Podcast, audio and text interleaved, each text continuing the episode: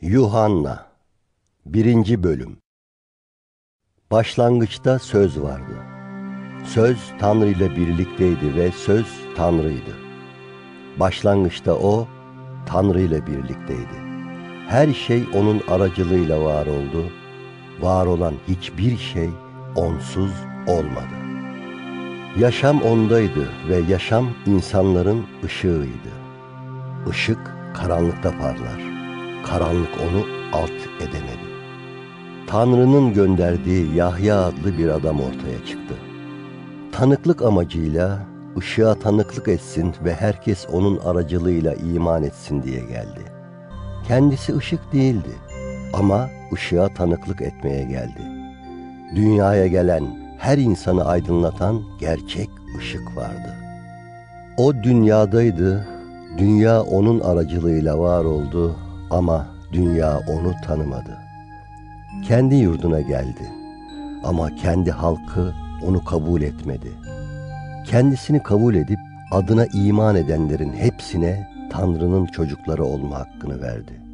Onlar ne kandan, ne beden, ne de insan isteğinden doğdular. Tersine Tanrı'dan doğdular. Söz insan olup aramızda yaşadı. Onun yüceliğini, babadan gelen lütuf ve gerçekle dolu biricik oğulun yüceliğini gördük. Yahya ona tanıklık etti. Yüksek sesle şöyle dedi. Benden sonra gelen benden üstündür. Çünkü o benden önce vardı diye sözünü ettiğim kişi budur. Nitekim hepimiz onun doluluğundan lütuf üzerine lütuf aldık. Kutsal yasa Musa aracılığıyla verildi ama lütuf ve gerçek İsa Mesih aracılığıyla geldi. Tanrı'yı hiçbir zaman hiç kimse görmedi. Babanın bağrında bulunan ve Tanrı olan biricik oğul onu tanıttı. Yahudi yetkililer Yahya'ya Sen kimsin? diye sormak üzere Yeruşalim'den kahinlerle Levlileri gönderdikleri zaman Yahya'nın tanıklığı şöyle oldu. Açıkça konuştu, inkar etmedi ben Mesih değilim. Diye açıkça konuştu. Onlar da kendisine Öyleyse sen kimsin? İlyas mısın? Diye sordular. O da Değilim. Dedi. Sen beklediğimiz peygamber misin? Sorusuna Hayır. Yanıtını verdi. Bu kez Kim olduğunu söyle de bizi gönderenlere bir yanıt verelim dediler. Kendin için ne diyorsun? Yahya, Peygamber Yaşayan'ın dediği gibi Rabbin yolunu düzleyin diye çölde haykıranın sesiyim ben. Dedi.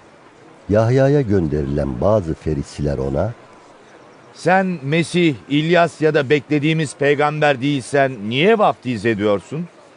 Diye sordular. Yahya onlara şöyle yanıt verdi. Ben suyla vaftiz ediyorum. Ama aranızda tanımadığınız biri duruyor. Benden sonra gelen odur. Ben onun çarığının bağını çözmeye bile layık değilim. Bütün bunlar Şeria Irmağı'nın ötesinde bulunan Beytanya'da Yahya'nın vaftiz ettiği yerde oldu. Yahya ertesi gün İsa'nın kendisine doğru geldiğini görünce şöyle dedi. İşte dünyanın günahını ortadan kaldıran Tanrı kuzusu. Kendisi için benden sonra biri geliyor. O benden üstündür. Çünkü o benden önce vardı dediğim kişi işte budur. Ben onu tanımıyordum. Ama İsrail'in onu tanıması için ben suyla vaftiz ederek geldim. Yahya tanıklığını şöyle sürdürdü. Ruhun güvercin gibi gökten indiğini, onun üzerinde durduğunu gördüm. Ben onu tanımıyordum. Ama suyla vaftiz etmek için beni gönderen, ruhun kimin üzerine inip durduğunu görürsen, kutsal ruhla vaftiz eden odur dedi. Ben de gördüm ve Tanrı'nın oğlu budur diye tanıklık ettim. Ertesi gün Yahya yine öğrencilerinden ikisiyle birlikteydi. Oradan geçen İsa'ya bakarak İşte Tanrı kuzusu. dedi. Onun söylediklerini duyan iki öğrenci İsa'nın ardından gitti. İsa arkasına dönüp ardından geldiklerini görünce Ne arıyorsunuz? diye sordu. Onlar da Rabbi, nerede oturuyorsun? dediler. Rabbi öğretmenim anlamına gelir. İsa Gelin görün. dedi. Gidip onun nerede oturduğunu gördüler ve o gün onunla kaldılar. Saat dört sularıydı. Yahya'yı işitip İsa'nın ardından giden iki kişiden biri Simon Petrus'un kardeşi Andreas'tı. Andreas önce kendi kardeşi Simon'u bularak ona Biz Mesih'i bulduk. dedi. Mesih meshedilmiş anlamına gelir. Andreas kardeşini İsa'ya götürdü. İsa ona baktı, Sen Yuhanna'nın oğlu Simon'sun. Kefas diye çağrılacaksın. dedi. Kefas kaya anlamına gelir. Ertesi gün İsa Celile'ye gitmeye karar verdi. Filipus'u bulup ona Ardımdan gel. dedi. Filipus da Andreas ile Petrus'un kenti olan Bethsaida'dandı. Filipus Natanel'i bularak ona Musa'nın kutsal yasada hakkında yazdığı, peygamberlerin de sözünü ettiği kişiyi, Yusuf oğlu Nasıralı İsa'yı bulduk. dedi. Natanel Filipus'a Nasıra'dan iyi bir şey çıkabilir mi? diye sordu. Filipus Gel de gör. dedi. İsa Natanel'in kendisine doğru geldiğini görünce onun için İşte içinde hile olmayan gerçek bir İsrailli. Dedi. Natanel Beni nereden tanıyorsun? diye sordu. İsa Filipus çağırmadan önce seni incir ağacının altında gördüm. yanıtını verdi. Natanel Rabbi, sen Tanrı'nın oğlusun. Sen İsrail'in kralısın. dedi. İsa ona dedi ki Seni incir ağacının altında gördüğümü söylediğim için mi inanıyorsun? Bunlardan daha büyük şeyler göreceksin. sonra da Size doğrusunu söyleyeyim. Göğün açıldığını, Tanrı meleklerinin insanoğlu üzerinde yükselip indiklerini göreceksiniz. dedi. Yuhanna 2. Bölüm Üçüncü gün Celile'nin Kana köyünde bir düğün vardı. İsa'nın annesi de oradaydı. İsa ile öğrencileri de düğüne çağrılmışlardı. Şarap tükenince annesi İsa'ya Şarapları kalmadı. dedi. İsa Anne, benden ne istiyorsun? Benim saatim daha gelmedi. dedi. Annesi hizmet edenlere Size ne derse onu yapın. dedi. Yahudilerin geleneksel temizliği için oraya konmuş, her biri 80 ile 120 litre alan 6 taş küp vardı. İsa hizmet edenlere Küpleri suyla doldurun. dedi.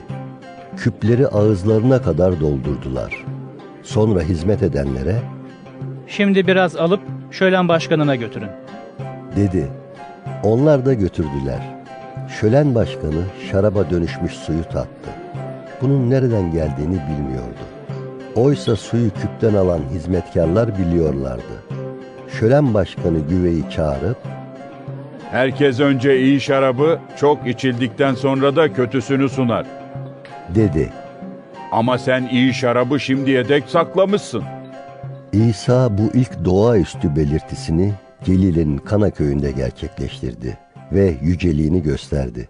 Öğrencileri de ona iman ettiler. Bundan sonra İsa, annesi, kardeşleri ve öğrencileri Kefernahum'a gidip orada birkaç gün kaldılar. Yahudilerin Fısıh bayramı yakındı. İsa da Yeruşalim'e gitti. Tapınağın avlusunda sığır, koyun ve güvercin satanları, orada oturmuş para bozanları gördü. İpten bir kamçı yaparak hepsini koyunlar ve sığırlarla birlikte tapınaktan kovdu, para bozanların paralarını döküp masalarını devirdi. Güvercin satanlara Bunları buradan kaldırın. Babamın evini pazar yerine çevirmeyin. dedi. Öğrencileri Evin için gösterdiğim gayret beni yiyip bitirecek. diye yazılmış olan sözü hatırladılar. Yahudi yetkililer İsa'ya Bunları yaptığına göre bize nasıl bir belirti göstereceksin? diye sordular. İsa şu yanıtı verdi. Bu tapınağı yıkın, üç günde onu yeniden kuracağım.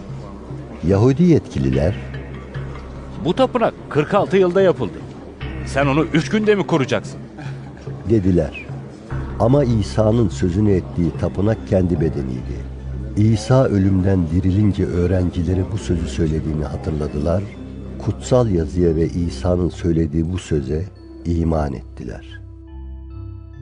Fısıh bayramında İsa'nın Yeruşalim'de bulunduğu sırada gerçekleştirdiği belirtileri gören birçokları onun adına iman ettiler. Ama İsa bütün insanların yüreğini bildiği için onlara güvenmiyordu. İnsan hakkında kimsenin ona bir şey söylemesine gerek yoktu. Çünkü kendisi insanın içinden geçenleri biliyordu. Yuhanna 3. Bölüm Yahudilerin Nikodim adlı bir önderi vardı. Ferisilerden olan bu adam bir gece İsa'ya gelerek Rabbi, senin Tanrı'dan gelmiş bir öğretmen olduğunu biliyoruz.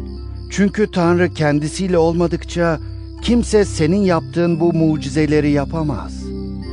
dedi. İsa ona şu karşılığı verdi. Sana doğrusunu söyleyeyim. Bir kimse yeniden doğmadıkça Tanrı'nın egemenliğini göremez. Nikodim, Yaşlanmış bir adam nasıl doğabilir? Annesinin rahmine ikinci kez girip doğabilir mi? Diye sordu. İsa şöyle yanıt verdi. Sana doğrusunu söyleyeyim. Bir kimse sudan ve ruhtan doğmadıkça Tanrı'nın egemenliğine giremez. Bedenden doğan bedendir. Ruhtan doğan ruhtur. Sana yeniden doğmalısınız dediğime şaşma. Yel dilediği yerde eser. Sesini işitirsin ama nereden gelip nereye gittiğini bilemezsin. Ruhtan doğan herkes böyledir. Nikodim İsa'ya Bunlar nasıl olabilir? diye sordu. İsa ona şöyle yanıt verdi. Sen İsrail'in öğretmeni olduğun halde bunları anlamıyor musun? Sana doğrusunu söyleyeyim. Biz bildiğimizi söylüyoruz, gördüğümüze tanıklık ediyoruz. Sizler ise bizim tanıklığımızı kabul etmiyorsunuz. Sizlere yeryüzüyle ilgili şeyleri söylediğim zaman inanmazsanız, gökle ilgili şeyleri söylediğimde nasıl inanacaksınız? Gökten inmiş olan insanoğlundan başka hiç kimse göğe çıkmamıştır.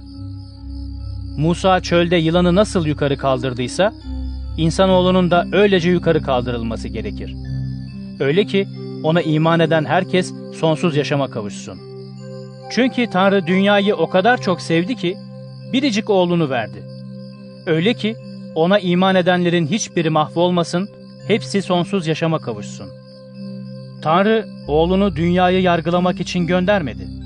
Dünya onun aracılığıyla kurtulsun diye gönderdi. Ona iman eden yargılanmaz. İman etmeyen ise zaten yargılanmıştır. Çünkü Tanrı'nın biricik oğlunun adına iman etmemiştir. Yargı da şudur. Dünyaya ışık geldi ama insanlar ışık yerine karanlığı sevdiler. Çünkü yaptıkları işler kötüydü. Kötülük yapan herkes ışıktan nefret eder ve yaptıkları açığa çıkmasın diye ışığa yaklaşmaz. Ama gerçeği uygulayan kişi yaptıklarını Tanrı'ya dayanarak yaptığını göstermek için ışığa gelir. Bundan sonra İsa ile öğrencileri Yahudiye diyarına gittiler. İsa onlarla birlikte orada bir süre kalarak vaftiz etti. Yahya da Salim yakınındaki Aynon'da vaftiz ediyordu. Çünkü orada bol su vardı.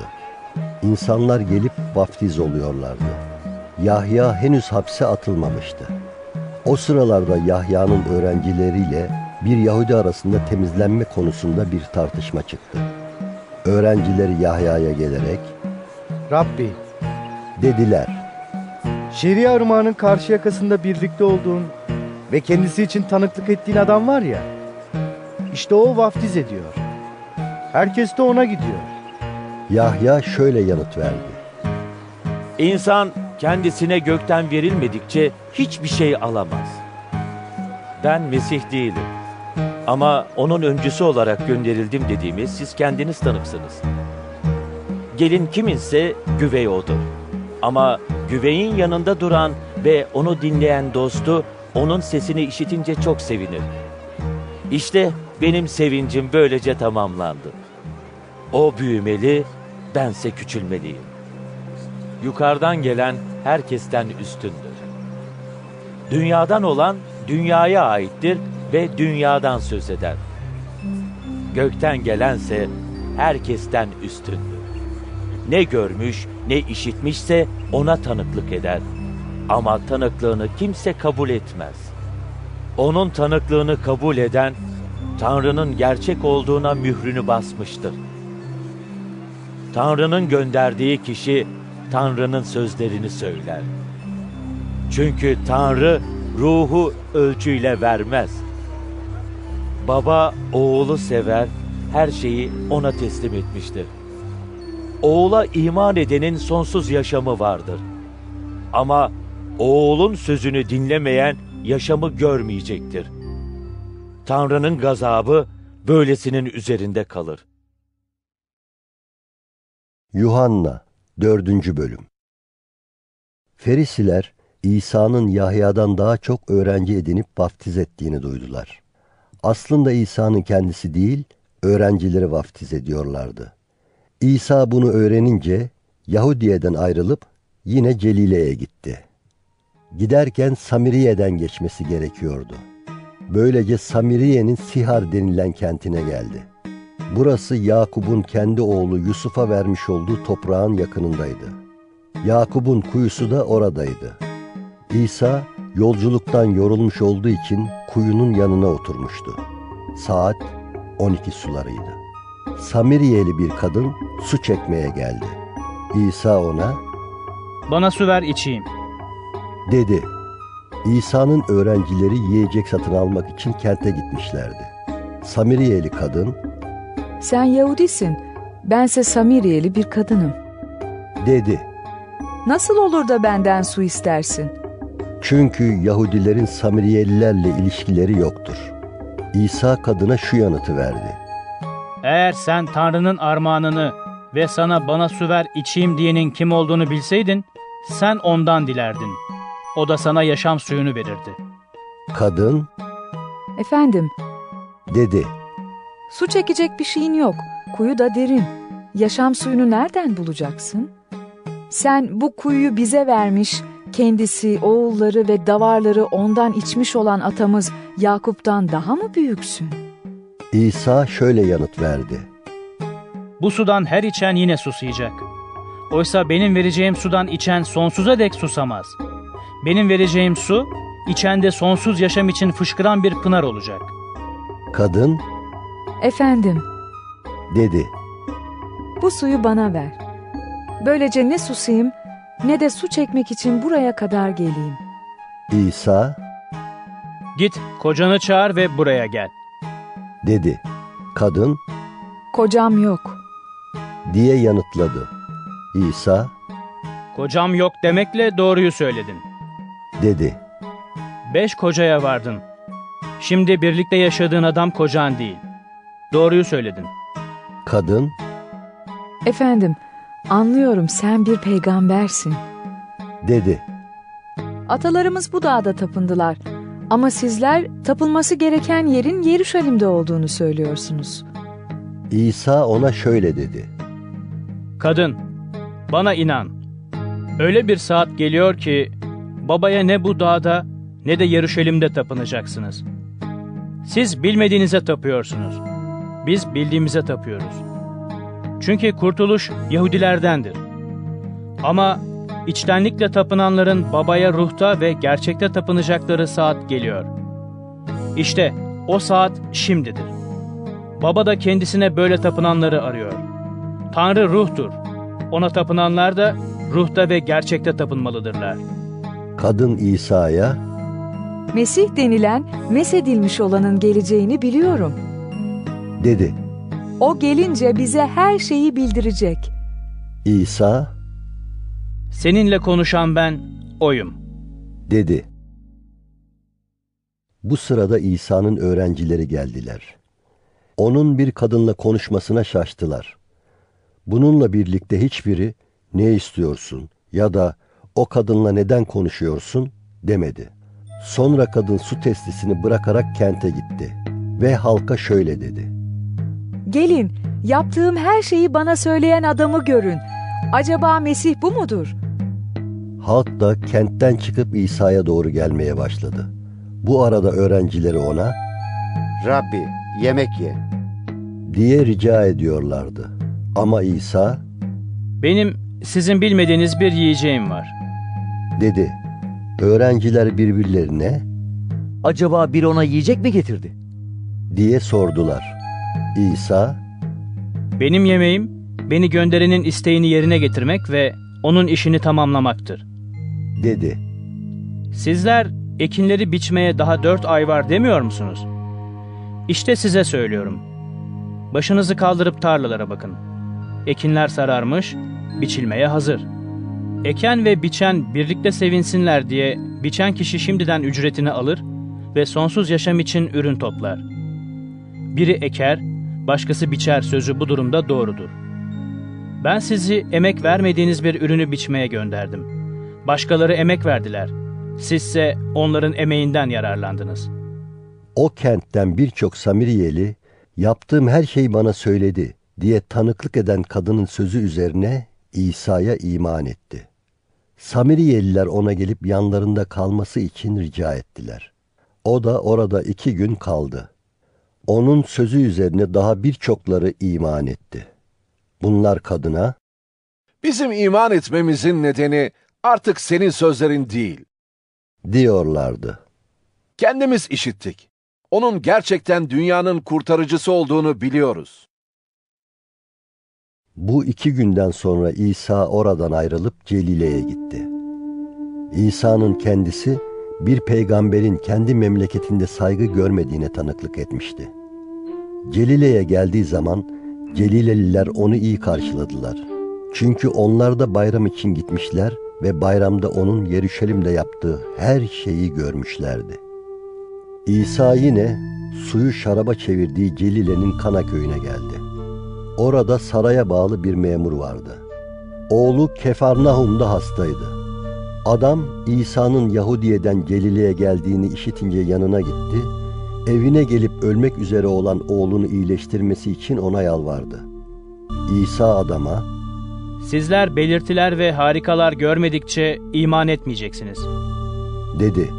Saray memuru İsa'ya Efendim, çocuğum ölmeden yetiş. dedi. İsa Git, oğlun yaşayacak. dedi. Adam İsa'nın söylediği söze iman ederek gitti. Daha yoldayken köleleri onu karşılayıp oğlunun yaşadığını bildirdiler. Adam onlara oğlunun iyileşmeye başladığı saati sordu. Dün öğle üstü saat 1'de ateşi düştü. Dediler. Baba bunun İsa'nın oğlun yaşayacak dediği saat olduğunu anladı. Kendisi ve bütün ev halkı iman etti. İsa bu ikinci belirtiyi de Yahudiye'den Celile'ye döndükten sonra gerçekleştirdi. Yuhanna 5. Bölüm İsa bundan sonra Yahudilerin bir bayramı nedeniyle Yeruşalim'e gitti. Yeruşalim'de koyun kapısı yanında İbranice'de Beytesta denilen beş eyvanlı bir havuz vardır. Bu eyvanların altında kör, kötürüm, felçli hastalardan bir kalabalık yatardı. Orada 38 yıldır hasta olan bir adam vardı. İsa hasta yatan bu adamı görünce ve uzun zamandır bu durumda olduğunu anlayınca İyi olmak ister misin? diye sordu. Hasta şöyle yanıt verdi. Efendim, su çalkalandığı zaman beni havuza indirecek kimsem yok. Tam gireceğim an benden önce başkası giriyor. İsa ona Kalk, şilteni topla ve yürü. dedi. Adam o anda iyileşti. Şiltesini toplayıp yürümeye başladı. O gün şabat günüydü. Bu yüzden Yahudi yetkililer iyileşen adama Bugün şabat günü. dediler. Şilteni toplaman yasaktır. Ama adam onlara şöyle yanıt verdi. Beni iyileştiren kişi bana şilteni topla ve yürü dedi. Sana şilteni topla ve yürü diyen adam kim? diye sordular. İyileşen adam ise onun kim olduğunu bilmiyordu. Orası kalabalıktı. İsa da çekilip gitmişti. İsa daha sonra adamı tapınakta buldu.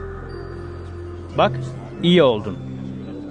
Artık günah işleme de başına daha kötü bir şey gelmesin. Dedi. Adam gidip Yahudi yetkililere kendisini iyileştirenin İsa olduğunu bildirdi. Şabat günü böyle şeyler yaptığı için İsa'ya zulmetmeye başladılar. Ama İsa onlara şu karşılığı verdi. Babam hala çalışmaktadır. Ben de çalışıyorum. İşte bu nedenle Yahudi yetkililer onu öldürmek için daha çok gayret ettiler. Çünkü yalnız Şabat günü düzenini bozmakla kalmamış, Tanrı'nın kendi babası olduğunu söyleyerek kendisini Tanrı'ya eşit kılmıştı. İsa Yahudi yetkililere şöyle karşılık verdi.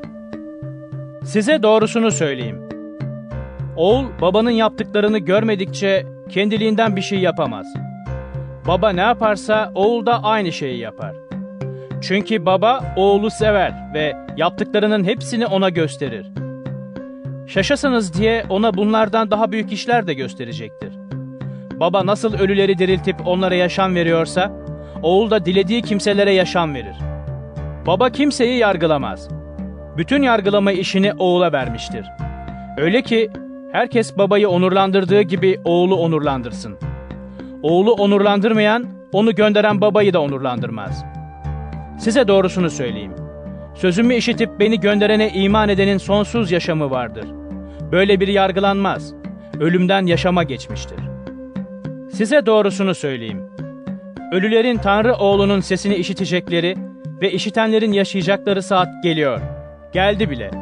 Çünkü baba kendisinde yaşam olduğu gibi oğula da kendisinde yaşam olma özelliğini verdi. Ona yargılama yetkisini de verdi. Çünkü o insanoğludur. Buna şaşmayın. Mezarda olanların hepsinin onun sesini işitecekleri saat geliyor. Ve onlar mezarlarından çıkacaklar.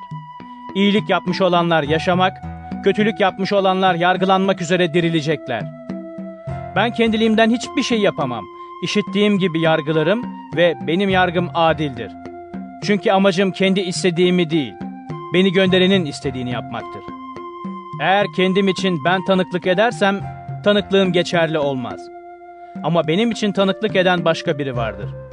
Onun benim için ettiği tanıklığın geçerli olduğunu bilirim. Siz Yahya'ya adamlar gönderdiniz. O da gerçeğe tanıklık etti. İnsanın tanıklığını kabul ettiğim için değil, kurtulmanız için bunları söylüyorum. Yahya, yanan ve ışık saçan bir çıraydı. Sizler onun ışığında bir süre için coşmak istediniz. Ama benim Yahya'nınkinden daha büyük bir tanıklığım var.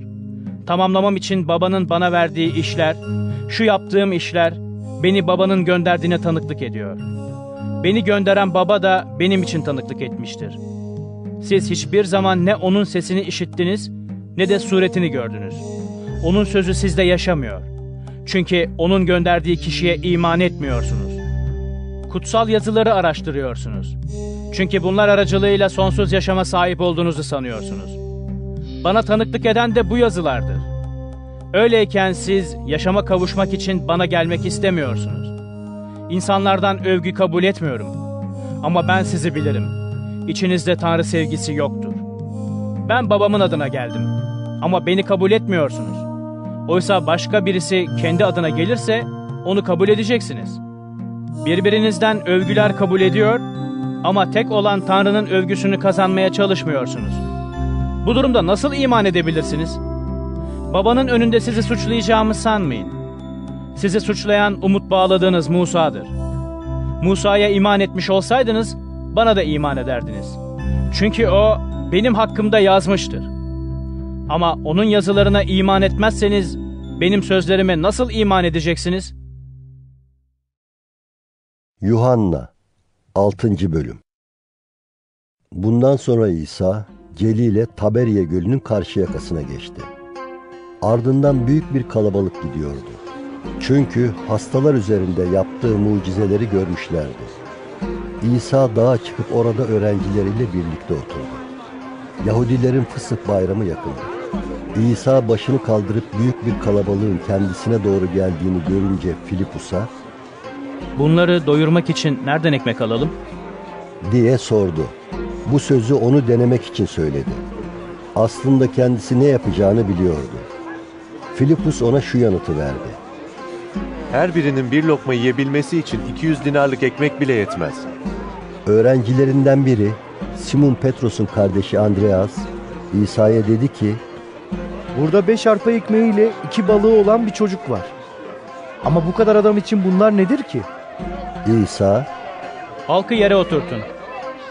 dedi. Orası çayırlıktı. Böylece halk yere oturdu. Yaklaşık 5000 erkek vardı. İsa ekmekleri aldı, şükrettikten sonra oturanlara dağıttı. Balıklardan da istedikleri kadar verdi. Herkes doyunca İsa öğrencilerine Arta kalan parçaları toplayın. Hiçbir şey ziyan olmasın. dedi. Onlar da topladılar. Yedikleri beş arpa ekmeğinden arta kalan parçalarla 12 sepet doldurdular. Halk İsa'nın yaptığı mucizeyi görünce Gerçekten dünyaya gelecek olan peygamber budur. dedi. İsa onların gelip kendisini kral yapmak üzere zorla götüreceklerini bildiğinden tek başına yine dağa çekildi. Akşam olunca öğrencileri göle indiler. Bir tekneye binerek gölün karşı yakasındaki Kefarnahum'a doğru yol aldılar. Karanlık basmış, İsa henüz yanlarına gelmemişti. Güçlü bir rüzgar estiğinden göl kabarmaya başladı. Öğrenciler 3 mil kadar kürek çektikten sonra İsa'nın gölün üstünde yürüyerek tekneye yaklaştığını görünce korktular. Ama İsa Korkmayın. Benim. dedi. Bunun üzerine onu tekneye almak istediler. O anda tekne gidecekleri kıyıya ulaştı. İsa'nın kendi öğrencileriyle birlikte bu tekneye binmediğini, öğrencilerinin yalnız gittiklerini anladı. Rabbin şükretmesinden sonra halkın ekmek yediği yerin yakınına Taberiye'den başka tekneler geldi. Halk İsa'nın ve öğrencilerinin orada olmadığını görünce teknelere binerek Kefernahum'a İsa'yı aramaya gitti. Onu gölün karşı yakasında buldukları zaman Rabbi, buraya ne zaman geldin? diye sordular. İsa şöyle yanıt verdi. Size doğrusunu söyleyeyim. Doğaüstü belirtiler gördüğünüz için değil, ekmeklerden yiyip doyduğunuz için beni arıyorsunuz. Geçici yiyecek için değil, sonsuz yaşam boyunca kalıcı yiyecek için çalışın. Bunu size insanoğlu verecek. Çünkü Baba Tanrı ona bu onayı vermiştir. Onlar da şunu sordular. Tanrı'nın istediği işleri yapmak için ne yapmalıyız? İsa Tanrı'nın işi onun gönderdiği kişiye iman etmenizdir.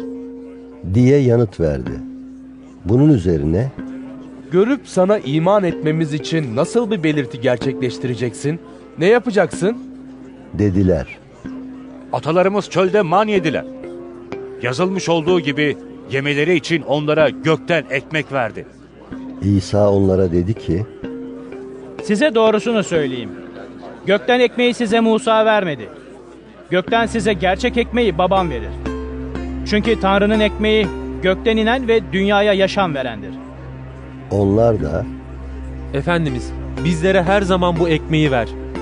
dediler. İsa Yaşam ekmeği benim. Bana gelen asla acıkmaz. Bana iman eden hiçbir zaman susamaz. dedi. Ama ben size dedim ki, beni gördünüz, yine de iman etmiyorsunuz. Babanın bana verdiklerinin hepsi bana gelecek ve bana geleni asla kovmam. Çünkü kendi isteğimi değil, beni gönderenin isteğini yerine getirmek için gökten indim. Beni gönderenin isteği, bana verdiklerinden hiçbirini yitirmemem, son gün hepsini diriltmemdir. Çünkü babamın isteği, oğlu gören ve ona iman eden herkesin sonsuz yaşama kavuşmasıdır. Ben de böylelerini son günde dirilteceğim. Gökten inmiş olan ekmek benim. Dediği için Yahudiler ona karşı söylenmeye başladılar. Yusuf oğlu İsa değil mi bu? Diyorlardı. Annesini de babasını da tanıyoruz.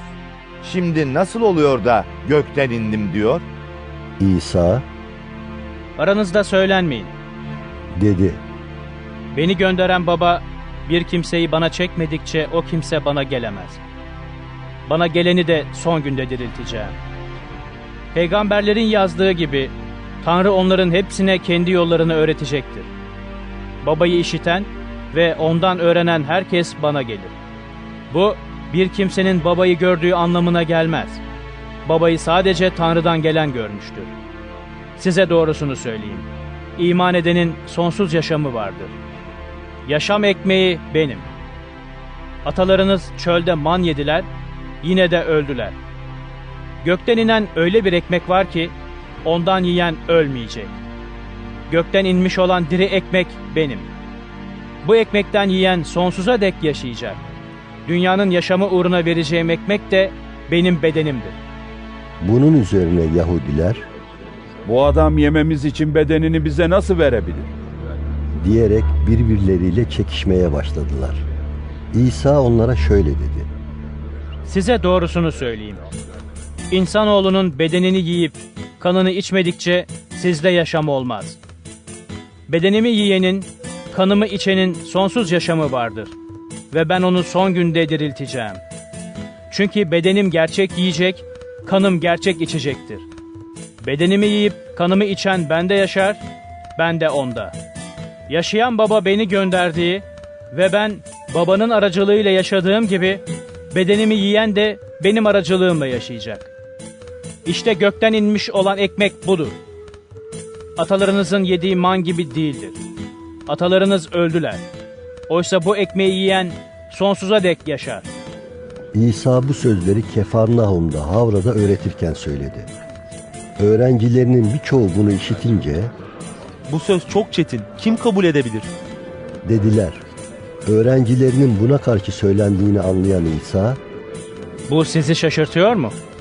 dedi. Ya insanoğlunun önceden bulunduğu yere yükseldiğini görürseniz? Yaşam veren ruhtur. Beden bir yarar sağlamaz. Sizlere söylediğim sözler ruhtur, yaşamdır. Yine de aranızda iman etmeyenler var. İsa iman etmeyenlerin ve kendisine ihanet edecek kişinin kim olduğunu baştan beri biliyordu. Sizlere babanın bana yöneltmediği hiç kimse bana gelemez dememin nedeni budur. Dedi. Bunun üzerine öğrencilerinin birçoğu geri döndüler. Artık onunla dolaşmaz oldular. İsa o zaman 12'lere Siz de mi ayrılmak istiyorsunuz? diye sordu. Simon Petrus şu yanıtı verdi. Rab, biz kime gidelim? Sonsuz yaşamın sözleri sendedir. İman ediyor ve biliyoruz ki sen Tanrı'nın kutsalısın. İsa onlara şu karşılığı verdi. Siz 12'leri seçen ben değil miyim? Buna karşın içinizden biri iblistir. Simon İskariyot'un oğlu Yahuda'dan söz ediyordu. Çünkü Yahuda 12'lerden biri olduğu halde İsa'ya ihanet edecekti. Yuhanna 7. Bölüm Bundan sonra İsa Celile'de dolaşmaya başladı. Yahudi yetkililer onu öldürmeyi amaçladıkları için Yahudiye'de dolaşmak istemiyordu. Yahudilerin çardak bayramı yaklaşmıştı. Bu nedenle İsa'nın kardeşleri ona Buradan ayrıl. Yahudiye'ye git. Dediler. Öğrencilerin de yaptığın işleri görsünler. Çünkü kendini açıkça tanıtmak isteyen bir kimse yaptıklarını gizlemez. Madem ki bu şeyleri yapıyorsun, kendini dünyaya göster. Kardeşleri bile ona iman etmiyorlardı. İsa onlara Benim zamanım daha gelmedi. dedi. Oysa sizin için zaman hep uygundur. Dünya sizden nefret edemez ama benden nefret ediyor. Çünkü yaptıklarının kötü olduğuna tanıklık ediyorum. Siz bu bayramı kutlamaya gidin. Ben şimdilik gitmeyeceğim. Çünkü benim zamanım daha dolmadı. İsa bu sözleri söyleyip Celile'de kaldı. Ne var ki kardeşleri bayramı kutlamaya gidince kendisi de gitti. Ancak açıktan açığa değil, gizlice gitti. Yahudi yetkililer onu bayram sırasında arıyor O nerede? Diye soruyorlardı. Kalabalık arasında onunla ilgili bir sürü laf fısıldanıyordu. Bazıları İyi adamdır. Bazıları da Hayır, Tam tersine halkı saptırıyor. diyorlardı. Bununla birlikte yetkililerden korktukları için hiç kimse ondan açıkça söz etmiyordu. Bayramın yarısı geçmişti. İsa tapınağa gidip öğretmeye başladı. Yahudiler şaşırdılar. Bu adam hiç öğrenim görmediği halde nasıl bu kadar bilgili olabilir? Dediler. İsa onlara Benim öğretim benim değil, beni gönderenindir. diye karşılık verdi. Eğer bir kimse Tanrı'nın isteğini yerine getirmek istiyorsa, bu öğretinin Tanrı'dan mı olduğunu yoksa kendiliğimden mi konuştuğumu bilecektir. Kendiliğinden konuşan kendini yüceltmek ister. Ama kendisini göndereni yüceltmek isteyen doğrudur ve onda haksızlık yoktur. Musa size kutsal yasayı vermedi mi? Yine de hiçbiriniz yasayı yerine getirmiyor. Neden beni öldürmek istiyorsunuz? Kalabalık Cin çarpmış seni. dedi. Seni öldürmek isteyen kim? İsa Ben bir mucize yaptım, hepiniz şaşkına döndünüz. Diye yanıt verdi. Musa size sünneti buyurduğu için aslında bu Musa'dan değil atalarınızdan kalmadır. Şabat günü birini sünnet edersiniz. Musa'nın yasası bozulmasın diye Şabat günü biri sünnet ediliyor da Şabat günü bir adamı tamamen iyileştirdim diye bana neden kızıyorsunuz? Dış görünüşe göre yargılamayın. Yargınız adil olsun. Yeruşalimlilerin bazıları Öldürmek istedikleri adam bu değil mi? diyorlardı. Bakın açıkça konuşuyor. Ona bir şey demiyorlar. Yoksa önderler onun Mesih olduğunu gerçekten kabul ettiler mi? Ama biz bu adamın nereden geldiğini biliyoruz. Oysa Mesih geldiği zaman onun nereden geldiğini kimse bilmeyecek. O sırada tapınakta öğreten İsa yüksek sesle şöyle dedi. Hem beni tanıyorsunuz hem de nereden olduğumu biliyorsunuz. Ben kendiliğimden gelmedim. Beni gönderen gerçektir. Onu siz tanımıyorsunuz. Ben onu tanırım. Çünkü ben ondanım. Beni o gönderdi. Bunun üzerine onu yakalamak istediler. Ama kimse ona el sürmedi. Çünkü onun saati henüz gelmemişti. Halktan birçok kişi ise ona iman etti. Mesih gelince bunun yaptıklarından daha mı çok mucize yapacak? Diyorlardı. Ferisiler halkın İsa hakkında böyle fısıldaştığını duydular. Baş kahinler ve ferisiler onu yakalamak için görevliler gönderdiler. İsa Kısa bir süre daha sizinleyim. dedi. Sonra beni gönderene gideceğim. Beni arayacaksınız ama bulamayacaksınız. Ve benim bulunduğum yere siz gelemezsiniz. Bunun üzerine Yahudiler birbirlerine Bu adam nereye gidecek de biz onu bulamayacağız? Dediler. Yoksa Grekler arasında dağılmış olanlara gidip Greklere mi öğretecek? Beni arayacaksınız ama bulamayacaksınız. Ve benim bulunduğum yere siz gelemezsiniz diyor. Ne demek istiyor? Bayramın son ve en önemli günü İsa ayağa kalktı, yüksek sesle şöyle dedi. Bir kimse susamışsa bana gelsin içsin. Kutsal yazıda dendiği gibi bana iman edenin içinden diri su ırmakları akacaktır. Bunu kendisine iman edenlerin alacağı ruhla ilgili olarak söylüyordu. Ruh henüz verilmemişti. Çünkü İsa henüz yüceltilmemişti. Halktan bazıları bu sözleri işitince Gerçekten beklediğimiz peygamber budur.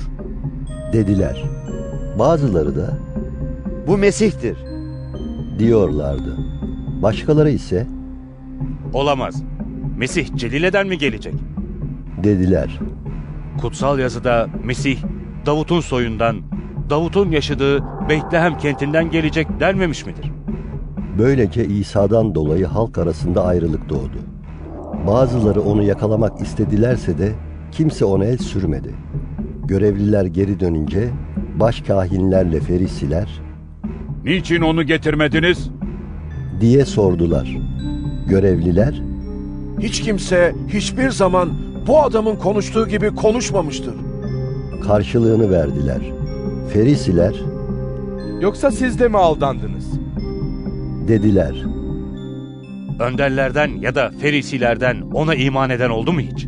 Kutsal yasayı bilmeyen bu halk lanetlidir. İçlerinden biri daha önce İsa'ya gelen Nikodim onlara şöyle dedi. Yasamıza göre bir adamı dinlemeden, ne yaptığını öğrenmeden onu yargılamak doğru mu? Ona Yoksa sen de mi Celile'densin? diye karşılık verdiler. Araştır, bak Celile'den peygamber çıkmaz. Bundan sonra herkes evine gitti. Yuhanna 8. Bölüm İsa ise Zeytin Dağı'na gitti. Ertesi sabah erkenden yine tapınağa döndü. Bütün halk onun yanına geliyordu. O da oturup onlara öğretmeye başladı. Din bilginleri ve ferisiler zina ederken yakalanmış bir kadın getirdiler. Kadını orta yere çıkararak İsa'ya Öğretmen, bu kadın tam zina ederken yakalandı. dediler. Musa yasada bize böyle kadınların taşlanmasını buyurdu. Sen ne dersin? Bunları İsa'yı denemek amacıyla söylüyorlardı. Onu suçlayabilmek için bir neden arıyorlardı. İsa eğilmiş parmağıyla toprağa yazı yazıyordu. Durmadan aynı soruyu sormaları üzerine doğruldu ve İçinizde kim günahsızsa ilk taşı o atsın. dedi. Sonra yine eğildi, toprağa yazmaya başladı. Bunu işittikleri zaman başta yaşlılar olmak üzere birer birer dışarı çıkıp İsa'yı yalnız bıraktılar. Kadın ise orta yerde duruyordu. İsa doğrulup ona, Kadın, nerede onlar? Hiçbiri seni yargılamadı mı? diye sordu. Kadın, Hiçbiri efendim. dedi. İsa, Ben de seni yargılamıyorum. dedi. Git, artık bundan sonra günah işleme. İsa yine halka seslenip şöyle dedi. Ben dünyanın ışığıyım. Benim ardımdan gelen asla karanlıkta yürümez. Yaşam ışığına sahip olur. Ferisiler, Sen kendin için tanıklık ediyorsun. Tanıklığın geçerli değil. dediler. İsa onlara şu karşılığı verdi. Kendim için tanıklık etsem bile tanıklığım geçerlidir. Çünkü nereden geldiğimi ve nereye gideceğimi biliyorum. Oysa siz nereden geldiğimi, nereye gideceğimi bilmiyorsunuz. Siz insan gözüyle yargılıyorsunuz. Ben kimseyi yargılamam. Yargılasam bile benim yargım doğrudur. Çünkü ben yalnız değilim. Ben ve beni gönderen baba birlikte yargılarız. Yasanızda da iki kişinin tanıklığı geçerlidir diye yazılmıştır. Kendim için tanıklık eden bir ben varım, bir de beni gönderen baba benim için tanıklık ediyor. O zaman ona, Baban nerede? diye sordular. İsa şu karşılığı verdi. Siz ne beni tanırsınız ne de babamı. Beni tanısaydınız babamı da tanırdınız. İsa bu sözleri tapınakta öğretirken bağış toplanan yerde söyledi. Kimse onu yakalamadı. Çünkü saati henüz gelmemişti. İsa yine onlara, Ben gidiyorum. Beni arayacaksınız ve günahınızın içinde öleceksiniz. Benim gideceğim yere siz gelemezsiniz. dedi. Yahudi yetkililer, Yoksa kendini mi öldürecek? dediler. Çünkü benim gideceğim yere siz gelemezsiniz diyor. İsa onlara, Siz aşağıdansınız, ben yukarıdanım. dedi. Siz bu dünyadansınız, ben bu dünyadan değilim. İşte bu nedenle size günahlarınızın içinde öleceksiniz dedim. Benim o olduğuma iman etmezseniz günahlarınızın içinde öleceksiniz. Ona, Sen kimsin? diye sordular. İsa, Başlangıçtan beri size ne söyledimse oyum. dedi. Sizinle ilgili söyleyecek ve sizleri yargılayacak çok şeyim var. Beni gönderen gerçektir. Ben ondan işittiklerimi dünyaya bildiriyorum. İsa'nın kendilerine babadan söz ettiğini anlamadılar. Bu nedenle İsa şöyle dedi. İnsanoğlunu yukarı kaldırdığınız zaman benim o olduğumu, kendiliğimden hiçbir şey yapmadığımı ama tıpkı babanın bana öğrettiği gibi konuştuğumu anlayacaksınız. Beni gönderen benimledir. O beni yalnız bırakmadı. Çünkü ben her zaman onu hoşnut edeni yaparım. Bu sözler üzerine birçokları ona iman etti. İsa kendisine iman etmiş olan Yahudilere Eğer benim sözüme bağlı kalırsanız gerçekten öğrencilerim olursunuz. Gerçeği bileceksiniz ve gerçek sizi özgür kılacak. dedi Biz İbrahim'in soyundanız. diye karşılık verdiler. Hiçbir zaman kimseye kölelik etmedik. Nasıl oluyor da sen özgür olacaksınız diyorsun? İsa Size doğrusunu söyleyeyim. Günah işleyen herkes günahın kölesidir. dedi. Köle ev halkının sürekli bir üyesi değildir. Ama oğul sürekli üyesidir. Bunun için oğul sizi özgür kılarsa gerçekten özgür olursunuz. İbrahim'in soyundan olduğunuzu biliyorum. Yine de beni öldürmek istiyorsunuz. Çünkü yüreğinizde sözüme yer vermiyorsunuz. Ben babamın yanında gördüklerimi söylüyorum. Siz de babanızdan işittiklerinizi yapıyorsunuz. Bizim babamız İbrahim'dir. diye karşılık verdiler. İsa İbrahim'in çocukları olsaydınız İbrahim'in yaptıklarını yapardınız. dedi. Ama şimdi beni, Tanrı'dan işittiği gerçeği sizlere bildireni öldürmek istiyorsunuz. İbrahim bunu yapmadı. Siz babanızın yaptıklarını yapıyorsunuz. Biz zinadan doğmadık. Bir tek babamız var, o da Tanrı'dır. dediler. İsa Tanrı babanız olsaydı beni severdiniz. dedi. Çünkü ben Tanrı'dan çıkıp geldim. Kendiliğimden gelmedim. Beni O gönderdi. Söylediklerimi neden anlamıyorsunuz? Benim sözümü dinlemeye dayanamıyorsunuz da ondan. Siz babanız iblistensiniz ve babanızın arzularını yerine getirmek istiyorsunuz. O başlangıçtan beri katildi. Gerçeğe bağlı kalmadı. Çünkü onda gerçek yoktur. Yalan söylemesi doğaldır. Çünkü o yalancıdır ve yalanın babasıdır. Ama ben gerçeği söylüyorum. İşte bunun için bana iman etmiyorsunuz. Hanginiz bana günahlı olduğumu kanıtlayabilir? Gerçeği söylüyorsam niçin bana iman etmiyorsunuz? Tanrı'dan olan Tanrı'nın sözlerini dinler. İşte siz Tanrı'dan olmadığınız için dinlemiyorsunuz. Yahudiler ona şu karşılığı verdiler. Sen cin çarpmış bir Samiryelisin demekte haklı değil miyiz? İsa Beni cin çarpmadı. dedi. Ben babamı onurlandırıyorum ama siz beni aşağılıyorsunuz. Ben kendimi yüceltmek istemiyorum. Ama bunu isteyen ve yargılayan biri vardır. Size doğrusunu söyleyeyim. Bir kimse sözüme uyarsa ölümü asla görmeyecektir. Yahudiler Seni cin çarptığını şimdi anlıyoruz. dediler. İbrahim öldü. Peygamberler de öldü. Oysa sen bir kimse sözüme uyarsa ölümü asla tatmayacaktır diyorsun. Yoksa sen babamız İbrahim'den üstün müsün? O öldü. Peygamberler de öldü. Sen kendini kim sanıyorsun? İsa şu karşılığı verdi. Eğer ben kendimi yüceltirsem yüceliğim hiçtir. Beni yücelten Tanrımız diye çağırdığımız babamdır. Siz onu tanımıyorsunuz ama ben tanıyorum. Onu tanımadığımı söylersem sizin gibi yalancı olurum. Ama ben onu tanıyor ve sözüne uyuyorum. Babanız İbrahim günümü göreceği için sevinçle coşmuştu. Gördü ve sevindi. Yahudiler Sen daha 50 yaşında bile değilsin. İbrahim'i de mi gördün? dediler. İsa Size doğrusunu söyleyeyim. İbrahim doğmadan önce ben varım. dedi. O zaman İsa'yı taşlamak için yerden taş aldılar. Ama o gizlenip tapınaktan çıktı. Yuhanna 9. Bölüm İsa yolda giderken doğuştan kör bir adam gördü. Öğrencileri İsa'ya Rabbi, kim günah işledi de bu adam kör doğdu? Kendisi mi yoksa annesi babası mı? diye sordular. İsa şu yanıtı verdi. Ne kendisi ne de annesi babası günah işledi. Tanrı'nın işleri onun yaşamında görülsün diye kör doğdu.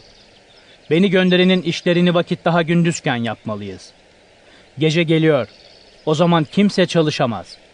Dünyada olduğum sürece dünyanın ışığı benim.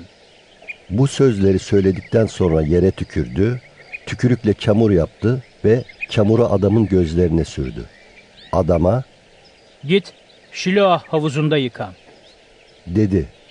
Şiloah gönderilmiş anlamına gelir. Adam gidip yıkandı, gözleri açılmış olarak döndü.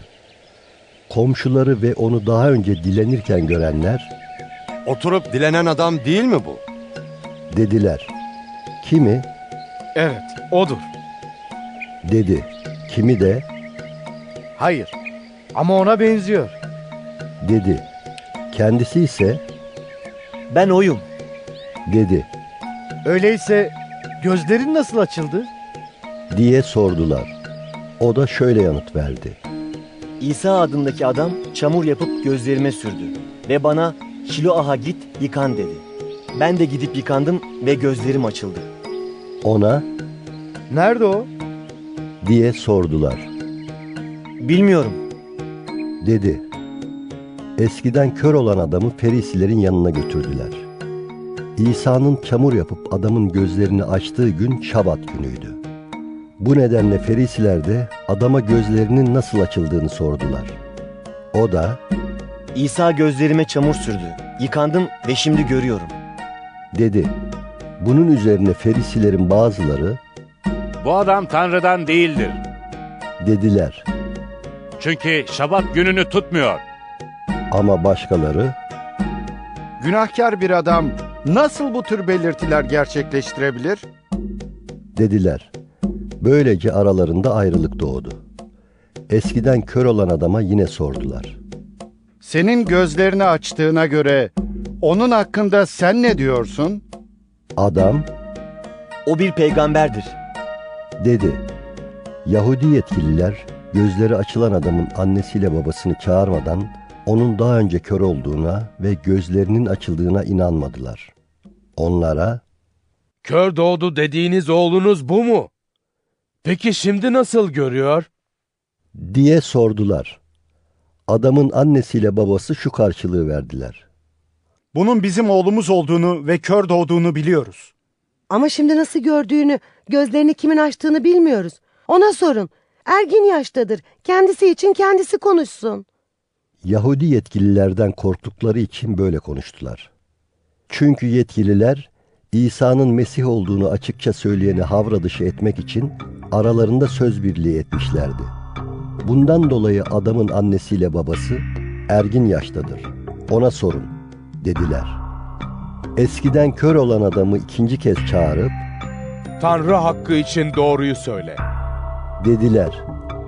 Biz bu adamın günahkar olduğunu biliyoruz. O da şöyle yanıt verdi. Onun günahkar olup olmadığını bilmiyorum. Bildiğim bir şey var. Kördüm. Şimdi görüyorum. O zaman ona Sana ne yaptı? Gözlerini nasıl açtı? dediler. Onlara Size demin söyledim ama dinlemediniz. dedi. Niçin yeniden işitmek istiyorsunuz? Yoksa siz de mi onun öğrencileri olmak niyetindesiniz? Adama söverek Onun öğrencisi sensin. dediler. Biz Musa'nın öğrencileriyiz. Tanrı'nın Musa ile konuştuğunu biliyoruz. Ama bu adamın nereden geldiğini bilmiyoruz. Adam onlara şu karşılığı verdi. Şaşılacak şey. Onun nereden geldiğini bilmiyorsunuz. Ama gözlerimi o açtı. Tanrı'nın günahkarları dinlemediğini biliriz. Ama Tanrı kendisine tapan ve isteğini yerine getiren kişiyi dinler. Dünya var olalı bir kimsenin doğuştan kör olan birinin gözlerini açtığı duyulmamıştır. Bu adam Tanrı'dan olmasaydı hiçbir şey yapamazdı. Onlar buna karşılık Tamamen günah içinde doğdun. Sen mi bize ders vereceksin? diyerek onu dışarı attılar. İsa adamı kovduklarını duydu. Onu bularak Sen insanoğluna iman ediyor musun? diye sordu. Adam şu yanıtı verdi. Efendim o kimdir?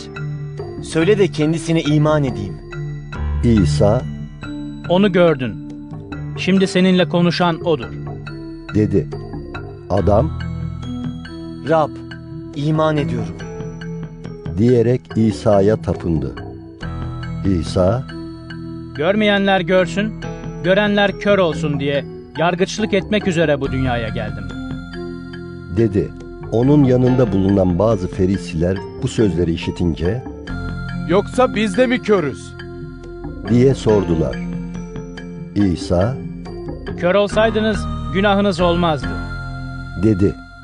Ama şimdi görüyoruz dediğiniz için günahınız duruyor. Yuhanna 10. bölüm Size doğrusunu söyleyeyim. Koyun ağlına kapıdan girmeyip başka yoldan giren kişi hırsız ve hayduttur. Kapıdan giren ise koyunların çobanıdır. Kapıyı bekleyen ona kapıyı açar. Koyunlar çobanın sesini işitirler, o da kendi koyunlarını adlarıyla çağırır ve onları dışarı götürür. Kendi koyunlarının hepsini dışarı çıkarınca önlerinden gider. Koyunlar da onu izler. Çünkü onun sesini tanırlar. Bir yabancının peşinden gitmezler, ondan kaçarlar. Çünkü yabancıların sesini tanımazlar. İsa onlara bu örneği anlattıysa da ne demek istediğini anlamadılar. Bunun için İsa yine Size doğrusunu söyleyeyim. dedi. Ben koyunların kapısıyım. Benden önce gelenlerin hepsi hırsız ve hayduttu. Ama koyunlar onları dinlemedi. Kapı benim. Bir kimse benim aracılığımla içeri girerse kurtulur. Girer, çıkar ve otlak bulur.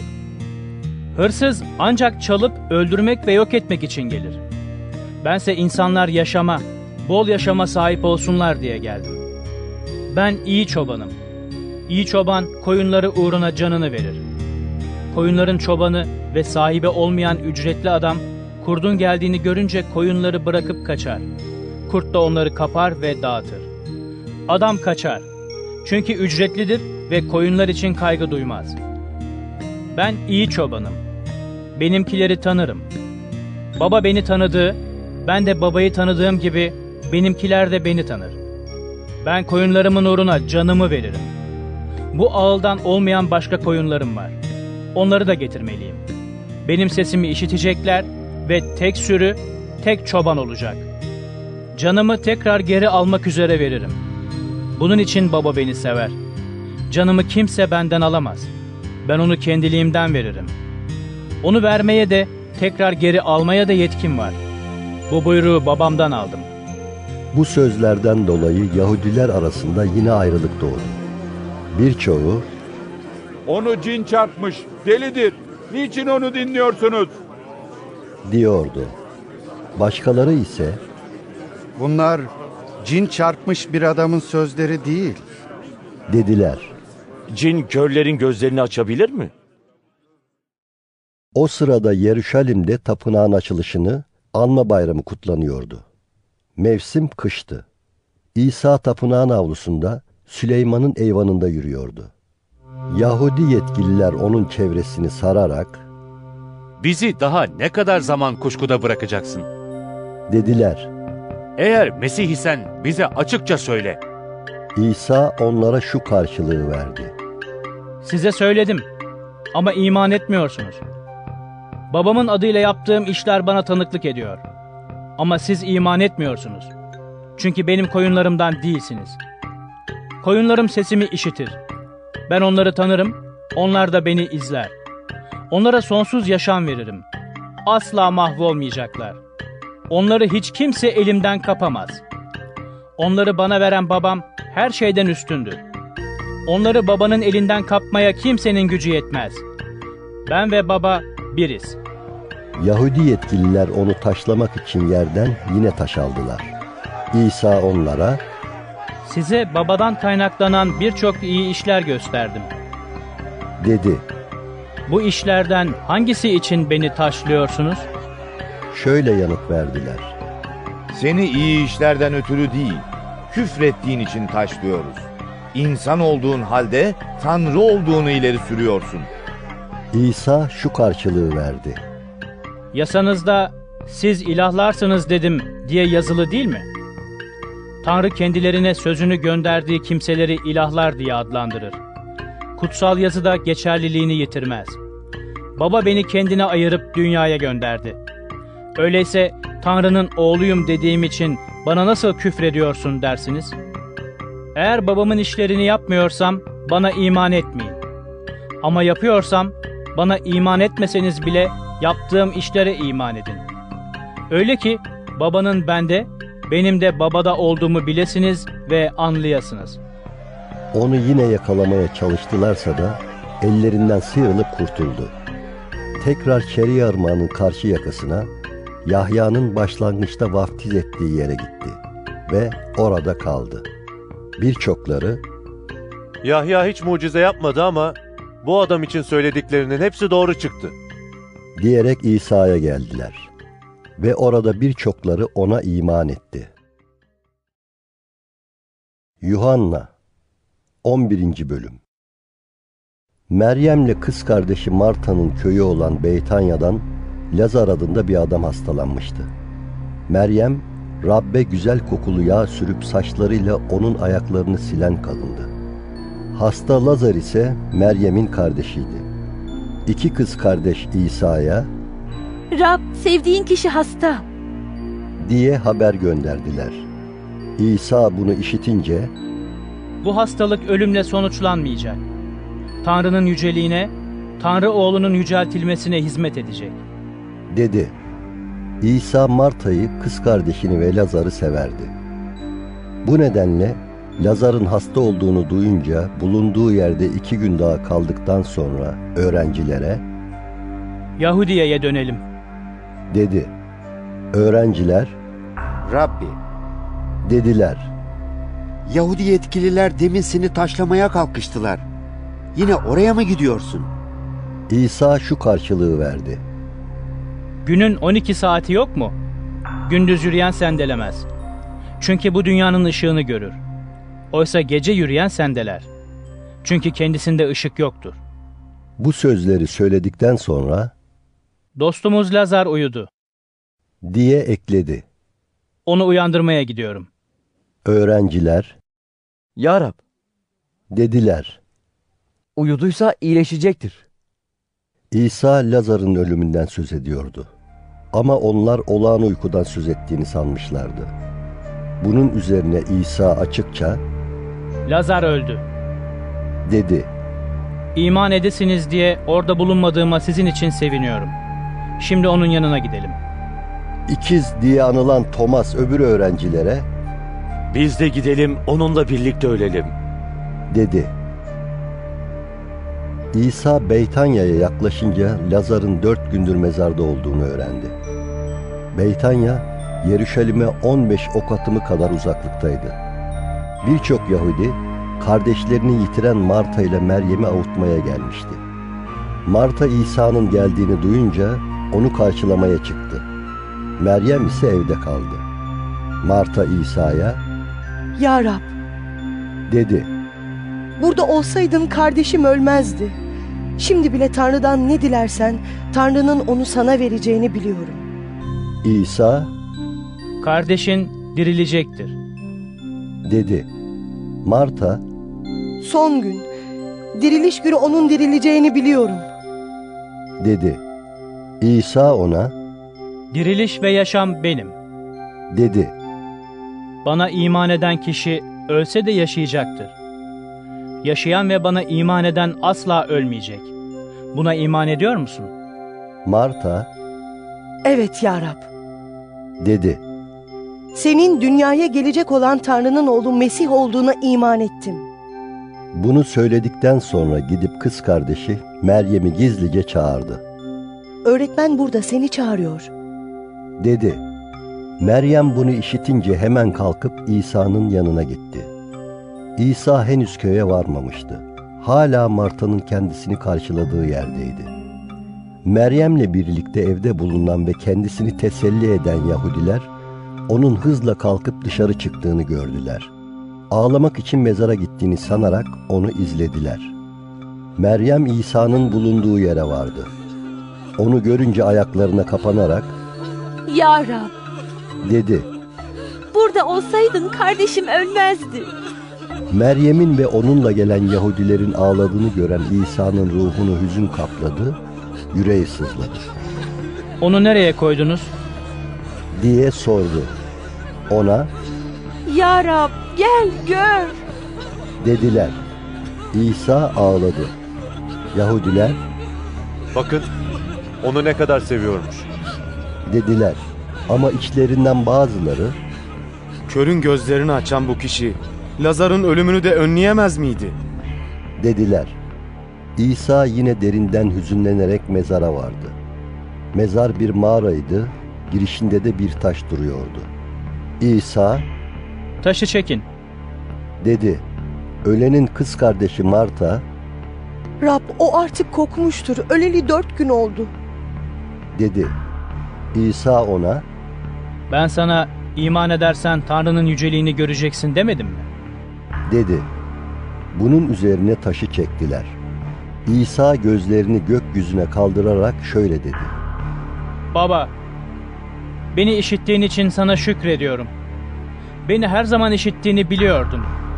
Ama bunu çevrede duran halk için beni senin gönderdiğine iman etsinler diye söyledim. Bunları söyledikten sonra yüksek sesle Lazar, dışarı, çık. diye bağırdı. Ölü, elleri ayakları sargılarla bağlı, yüzü peşkirle sarılmış olarak dışarı çıktı. İsa oradakilere Onu çözün. Bırakın gitsin. dedi. O zaman Meryem'e gelen ve İsa'nın yaptıklarını gören Yahudilerin birçoğu İsa'ya iman etti. Ama içlerinden bazıları Ferisilere giderek İsa'nın yaptıklarını onlara bildirdiler. Bunun üzerine başkâhinler ve Ferisiler yüksek kurulu toplayıp dediler ki, Ne yapacağız? Bu adam birçok doğaüstü belirti gerçekleştiriyor. Böyle devam etmesine izin verirsek herkes ona iman edecek. Romalılar da gelip kutsal yerimizi ve ulusumuzu ortadan kaldıracaklar. İçlerinden biri o yıl başkâhin olan Kayafa Hiçbir şey bilmiyorsunuz. dedi.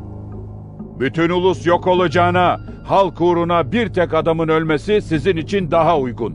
Bunu anlamıyor musunuz? Bunu kendiliğinden söylemiyordu. O yılın başkâhini olarak İsa'nın ulusun uğruna ve yalnız ulusun uğruna değil, Tanrı'nın dağılmış çocuklarını toplayıp birleştirmek için de öleceğine ilişkin peygamberlikte bulunuyordu. Böylece o günden itibaren İsa'yı öldürmek için düzen kurmaya başladılar. Bu yüzden İsa artık Yahudiler arasında açıkça dolaşmaz oldu.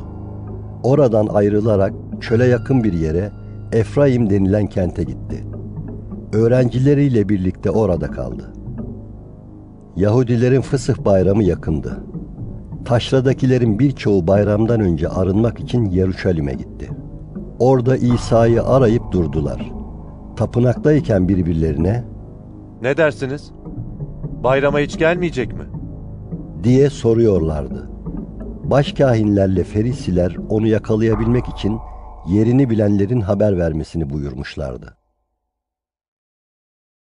Yuhanna 12. Bölüm İsa Fısıh Bayramı'ndan altı gün önce ölümden dirilttiği Lazar'ın bulunduğu Beytanya'ya geldi. Orada kendisi için bir ziyafet düzenlediler. Marta hizmet ediyordu. İsa ile birlikte sofrada oturanlardan biri de Lazar'dı. Meryem çok değerli saf Hint sümbülü yağından yarım litre kadar getirerek İsa'nın ayaklarına sürdü ve saçlarıyla ayaklarını sildi. Ev yağın güzel kokusuyla doldu. Ama öğrencilerinden biri İsa'ya sonradan ihanet eden Yahuda İskariot, Bu yağ neden 300 dinara satılıp parası yoksullara verilmedi? dedi. Bunu yoksullarla ilgilendiği için değil, hırsız olduğu için söylüyordu. Ortak para kutusu ondaydı ve kutuya konulandan aşırıyordu. İsa Kadını rahat bırak. Dedi. Bunu benim gömüleceğim gün için saklasın. Yoksullar her zaman aranızdadır. Ama ben her zaman aranızda olmayacağım.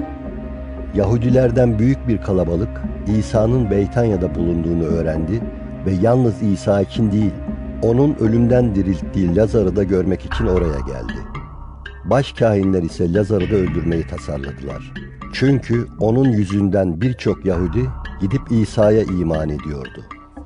Ertesi gün bayramı kutlamaya gelen büyük kalabalık İsa'nın Yeruşalim'e gelmekte olduğunu duydu. Hurma dalları alarak onu karşılamaya çıktılar. Hozana! Rabbin adıyla gelene, İsrail'in kralına övgüler olsun. diye bağırıyorlardı. İsa bir sıpa bulup üzerine bindi. Yazılmış olduğu gibi Korkma ey Siyon kızı. İşte kralın sıpaya binmiş geliyor. öğrencileri ilkin bunları anlamadılar. Ama İsa yüceltildikten sonra bu sözlerin onun hakkında yazıldığını, halkın bunları onun için yaptığını hatırladılar. Lazar'ı mezardan çağırıp ölümden dirilttiği sırada İsa ile birlikte bulunan kalabalık buna tanıklık etti. İsa'nın bu doğaüstü belirtiyi gerçekleştirdiğini duyan halk onu karşılamaya çıktı. Ferisiler ise birbirlerine Görüyorsunuz elinizden hiçbir şey gelmiyor. Bütün dünya onun peşine takıldı. dediler. Bayramda tapınmak üzere Yarışelim'e gidenler arasında bazı Grekler vardı. Bunlar Gelile'nin Beysaide kentinden olan Filipus'a gelerek Efendimiz, İsa'yı görmek istiyoruz. diye rica ettiler. Filipus gitti, bunu Andreas'a bildirdi. Andreas ve Filipus da gidip İsa'ya haber verdiler. İsa İnsanoğlunun yüceltileceği saat geldi. diye karşılık verdi. Size doğrusunu söyleyeyim. Buğday tanesi toprağa düşüp ölmedikçe yalnız kalır. Ama ölürse çok ürün verir. Canını seven onu yitirir. Ama bu dünyada canını gözden çıkaran onu sonsuz yaşam için koruyacaktır. Bana hizmet etmek isteyen ardımdan gelsin. Ben neredeysem bana hizmet eden de orada olacak. Baba bana hizmet edeni onurlandıracaktır. Şimdi yüreğim sıkılıyor. Ne diyeyim? Baba, beni bu saatten kurtar mı diyeyim? Ama ben bu amaç için bu saate geldim. Baba, adını yücelt. Bunun üzerine gökten bir ses geldi. Adımı yücelttim ve yine yücelteceğim. Orada duran ve bunu işiten kalabalık Gök gürledi. dedi. Başkaları Bir melek onunla konuştu. dedi. İsa Bu ses benim için değil, sizin içindi. dedi. Bu dünya şimdi yargılanıyor. Bu dünyanın egemeni şimdi dışarı atılacak. Ben yerden yukarı kaldırıldığım zaman bütün insanları kendime çekeceğim. İsa bunu nasıl öleceğini belirtmek için söylüyordu. Kalabalık ona şöyle karşılık verdi. Kutsal yasadan öğrendiğimize göre Mesih sonsuza dek kalacaktır. Nasıl oluyor da sen insanoğlu yukarı kaldırılmalıdır diyorsun? Kimdir bu insanoğlu? İsa Işık kısa bir süre daha aranızdadır. dedi. Karanlıkta kalmamak için ışığınız varken yürüyün. Karanlıkta yürüyen nereye gittiğini bilmez. Siz de ışık varken ışığa iman edin ki ışık oğulları olasınız. İsa bu sözleri söyledikten sonra uzaklaşıp onlardan gizlendi. Gözleri önünde bunca doğaüstü belirti gerçekleştirdiği halde ona iman etmediler. Bütün bunlar peygamber Yaşaya'nın söylediği şu söz yerine gelsin diye oldu. Rab, verdiğimiz habere kim inandı? Rabbin gücü kime açıklandı? İşte bu yüzden iman edemiyorlardı. Nitekim Yaşaya başka bir yerde de şöyle demişti. Tanrı onların gözlerini kör etti ve yüreklerini nasırlaştırdı. Öyle ki gözleri görmesin, yürekleri anlamasın ve bana dönmesinler. Dönselerdi onları iyileştirirdim. Bunları söyleyen Yaşaya, İsa'nın yüceliğini görmüş ve onun hakkında konuşmuştu. Bununla birlikte önderlerin bile birçoğu İsa'ya iman etti. Ama Ferisiler yüzünden havra dışı edilmemek için iman ettiklerini açıkça söylemediler. Çünkü insandan gelen övgüyü Tanrı'dan gelen övgüden daha çok seviyorlardı. İsa yüksek sesle Bana iman eden bana değil, beni gönderene iman etmiş olur. dedi. Beni gören beni göndereni de görür. Bana iman eden hiç kimse karanlıkta kalmasın diye dünyaya ışık olarak geldim. Sözlerimi işitip de onlara uymayanı ben yargılamam. Çünkü ben dünyayı yargılamaya değil, dünyayı kurtarmaya geldim. Beni reddeden ve sözlerimi kabul etmeyen kişiyi yargılayacak biri var. O kişiyi son günde yargılayacak olan söylediğim sözdür. Çünkü ben kendiliğimden konuşmadım. Beni gönderen babanın kendisi ne söylemem ve ne konuşmam gerektiğini bana buyurdu. Onun buyruğunun sonsuz yaşam olduğunu biliyorum. Bunun için ne söylüyorsam, babanın bana söylediği gibi söylüyorum. Yuhanna 13. Bölüm Fısıh bayramından önceydi. İsa bu dünyadan ayrılıp babaya gideceği saatin geldiğini biliyordu. Dünyada kendisine ait olanları hep sevmişti. Sonuna kadar da sevdi. Akşam yemeği sırasında iblis, Simon İskaryot'un oğlu Yahuda'nın yüreğine İsa'ya ihanet etme isteğini koymuştu bile. İsa, babanın her şeyi kendisine teslim ettiğini, kendisinin Tanrı'dan çıkıp geldiğini ve Tanrı'ya döneceğini biliyordu. Yemekten kalktı, üstlüğünü bir yana koydu, bir havlu alıp beline doladı. Sonra bileğine su doldurup öğrencilerin ayaklarını yıkamaya ve beline doladığı havluyla kurulamaya başladı. İsa Simon Petrus'a geldi. Simon, Ya Rab, ayaklarımı sen mi yıkayacaksın? dedi. İsa ona şu yanıtı verdi. Ne yaptığımı şimdi anlayamazsın. Ama sonra anlayacaksın. Petrus, Benim ayaklarımı asla yıkamayacaksın. dedi. İsa, Yıkamazsam yanımda yerin olmaz. diye yanıtladı. Simon Petrus, Ya Rab, o halde yalnız ayaklarımı değil, ellerimi ve başımı da yıka. Dedi. İsa ona dedi ki, Yıkanmış olan tamamen temizdir. Ayaklarının yıkanmasından başka şeye ihtiyacı yoktur. Sizler temizsiniz ama hepiniz değil. İsa kendisine kimin ihanet edeceğini biliyordu. Bu nedenle hepiniz temiz değilsiniz demişti. Onların ayaklarını yıkadıktan sonra giyinip yine sofraya oturdu. Size ne yaptığımı anlıyor musunuz? Dedi, Siz beni öğretmen ve Rab diye çağırıyorsunuz. Doğru söylüyorsunuz. Öyleyim. Ben Rab ve öğretmen olduğum halde ayaklarınızı yıkadım. Öyleyse sizler de birbirinizin ayaklarını yıkamalısınız. Size yaptığımın aynısını yapmanız için bir örnek gösterdim. Size doğrusunu söyleyeyim. Köle efendisinden, elçi de kendisini gönderenden üstün değildir. Bildiğiniz bu şeyleri yaparsanız ne mutlu size. Hepiniz için söylemiyorum. Ben seçtiklerimi bilirim. Ama ekmeğimi yiyen bana ihanet etti diyen kutsal yazının yerine gelmesi için böyle olacak. Size şimdiden bunlar olmadan önce söylüyorum ki bunlar olunca benim o olduğuma inanasınız.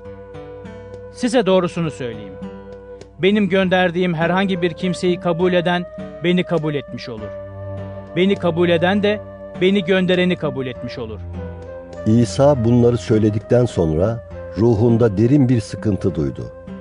Açıkça konuşarak, Size doğrusunu söyleyeyim. Sizden biri bana ihanet edecek. dedi. Öğrenciler kimden söz ettiğini merak ederek birbirlerine baktılar. Öğrencilerinden biri İsa'nın göğsüne yaslanmıştı. İsa onu severdi. Simon Petrus bu öğrenciye kimden söz ettiğini İsa'ya sorması için işaret etti.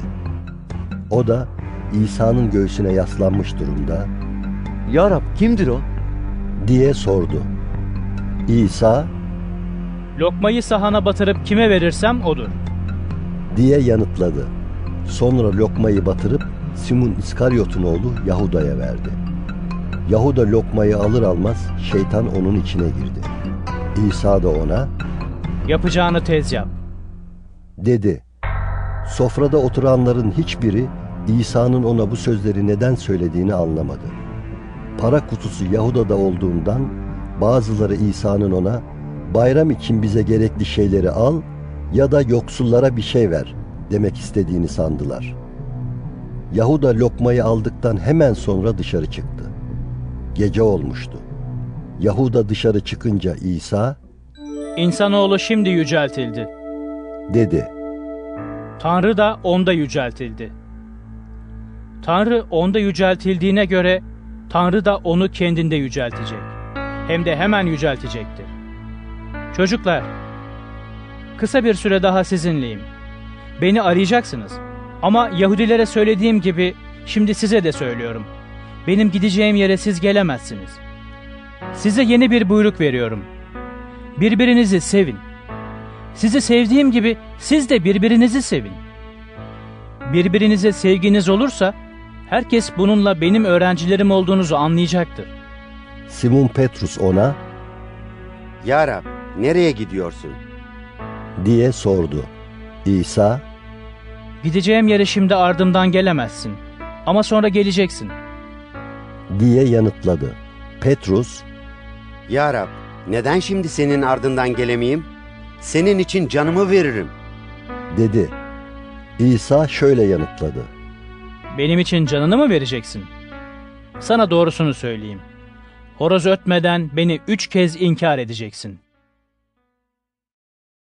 Yuhanna 14. bölüm Yüreğiniz sıkılmasın. Tanrı'ya iman edin. Bana da iman edin. Babamın evinde kalacak çok yer var. Öyle olmasa size söylerdim. Çünkü size yer hazırlamaya gidiyorum. Gider ve size yer hazırlarsam, siz de benim bulunduğum yerde olasınız diye yine gelip sizi yanıma alacağım. Benim gideceğim yerin yolunu biliyorsunuz. Thomas Ya Rab, senin nereye gideceğini bilmiyoruz. Yolu nasıl bilebiliriz? dedi. İsa Yol, gerçek ve yaşam benim. dedi. Benim aracılığım olmadan babaya kimse gelemez. Beni tanısaydınız babamı da tanırdınız. Artık onu tanıyorsunuz. Onu gördünüz. Filipus Ya Rab, bize babayı göster. Bu bize yeter. dedi. İsa Filipus, dedi. bunca zamandır sizinle birlikteyim. Beni daha tanımadın mı? Beni görmüş olan babayı görmüştür. Sen nasıl bize babayı göster diyorsun? Benim babada, babanın da bende olduğuna inanmıyor musun? Size söylediğim sözleri kendiliğimden söylemiyorum. Ama bende yaşayan baba kendi işlerini yapıyor. Bana iman edin. Ben babadayım. Baba da bendedir. Hiç değilse bu işlerden dolayı iman edin. Size doğrusunu söyleyeyim. Benim yaptığım işleri bana iman eden de yapacak. Hatta daha büyüklerini yapacaktır. Çünkü ben babaya gidiyorum. Baba oğulda yüceltilsin diye benim adımla dilediğiniz her şeyi yapacağım. Benim adımla benden ne dilerseniz yapacağım. Beni seviyorsanız buyruklarımı yerine getirirsiniz. Ben de babadan dileyeceğim. O sonsuza dek sizinle birlikte olsun diye size başka bir yardımcı, gerçeğin ruhunu verecek. Dünya onu kabul edemez. Çünkü onu ne görür ne de tanır. Siz onu tanıyorsunuz. Çünkü o aranızda yaşıyor ve içinizde olacaktır. Sizi öksüz bırakmayacağım. Size geri döneceğim. Az sonra dünya artık beni görmeyecek. Ama siz beni göreceksiniz.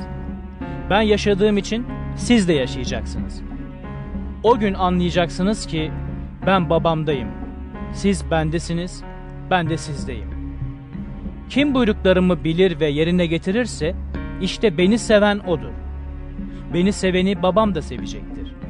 Ben de onu seveceğim ve kendimi ona göstereceğim. Yahuda İskariot değil. Ona Ya Rab, nasıl olur da kendini dünyaya göstermeyip bize göstereceksin? diye sordu. İsa ona şu karşılığı verdi. Beni seven sözüme uyar, babam da onu sever. Biz de ona gelir, onunla birlikte yaşarız. Beni sevmeyen sözlerime uymaz. İşittiğiniz söz benim değil, beni gönderen babanındır. Ben daha aranızdayken size bunları söyledim. Ama babanın benim adımla göndereceği yardımcı, kutsal ruh, size her şeyi öğretecek. Bütün söylediklerimi size hatırlatacak. Size esenlik bırakıyorum. Size kendi esenliğimi veriyorum. Ben size dünyanın verdiği gibi vermiyorum. Yüreğiniz sıkılmasın ve korkmasın. Size Gidiyorum ama yanınıza döneceğim dediğimi işittiniz. Beni sevseydiniz babaya gideceğim için sevinirdiniz. Çünkü baba benden üstündür. Bunları size şimdiden, her şey olup bitmeden önce söyledim. Öyle ki bunlar olunca inanasınız. Artık sizinle uzun uzun konuşmayacağım. Çünkü bu dünyanın egemeni geliyor. Onun benim üzerimde hiçbir yetkisi yoktur. Ama dünyanın babayı sevdiğimi ve babanın bana buyurduğu her şeyi yerine getirdiğimi anlamasını istiyorum. Hadi kalkın, buradan gidelim. Yuhanna 15. Bölüm Ben gerçek asmayım ve babam bağcıdır. Ben de meyve vermeyen her çubuğu kesip atar, meyve veren her çubuğu ise daha çok meyve versin diye budayıp temizler. Size söylediğim sözle siz şimdiden temizsiniz. Bende kalın, ben de sizde kalayım. Çubuk asmada kalmazsa kendiliğinden meyve veremez. Bunun gibi siz de bende kalmazsanız meyve veremezsiniz. Ben asmayım, siz çubuklarsınız. Bende kalan ve benim kendisinde kaldığım kişi çok meyve verir. Bensiz hiçbir şey yapamazsınız. Bir kimse bende kalmazsa çubuk gibi dışarı atılır ve kurur. Böylelerini toplar, ateşe atıp yakarlar. Eğer bende kalırsanız ve sözlerim sizde kalırsa ne isterseniz dileyin size verilecektir. Babam çok meyve vermenizle yüceltilir. Böylelikle öğrencilerim olursunuz. Babanın beni sevdiği gibi ben de sizi sevdim. Benim sevgimde kalın. Eğer buyruklarımı yerine getirirseniz sevgimde kalırsınız. Tıpkı benim de babamın buyruklarını yerine getirdiğim ve sevgisinde kaldığım gibi. Bunları size sevincim sizde olsun ve sevinciniz tamamlansın diye söyledim. Benim buyruğum şudur. Sizi sevdiğim gibi birbirinizi sevin. Hiç kimse de insanın dostları uğruna canını vermesinden daha büyük bir sevgi yoktur. Size buyurduklarımı yaparsanız benim dostlarım olursunuz. Artık size kul demiyorum. Çünkü kul efendisinin ne yaptığını bilmez. Size dost dedim. Çünkü babamdan bütün işittiklerimi size bildirdim. Siz beni seçmediniz. Ben sizi seçtim. Gidip meyve veresiniz, meyveniz de kalıcı olsun diye sizi ben atadım. Öyle ki benim adımla babadan ne dilerseniz size versin. Size şu buyruğu veriyorum. Birbirinizi sevin. Dünya sizden nefret ederse, sizden önce benden nefret etmiş olduğunu bilin. Dünyadan olsaydınız, dünya kendisine ait olanı severdi. Ne var ki dünyanın değilsiniz. Ben sizi dünyadan seçtim. Bunun için dünya sizden nefret ediyor. Size söylediğim sözü hatırlayın. Köle efendisinden üstün değildir. Bana zulmettilerse size de zulmedecekler. Benim sözüme uydularsa sizinkine de uyacaklar. Bütün bunları size benim adımdan ötürü yapacaklar. Çünkü beni göndereni tanımıyorlar.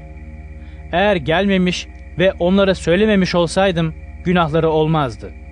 Ama şimdi günahları için özürleri yoktur. Benden nefret eden babamdan da nefret eder.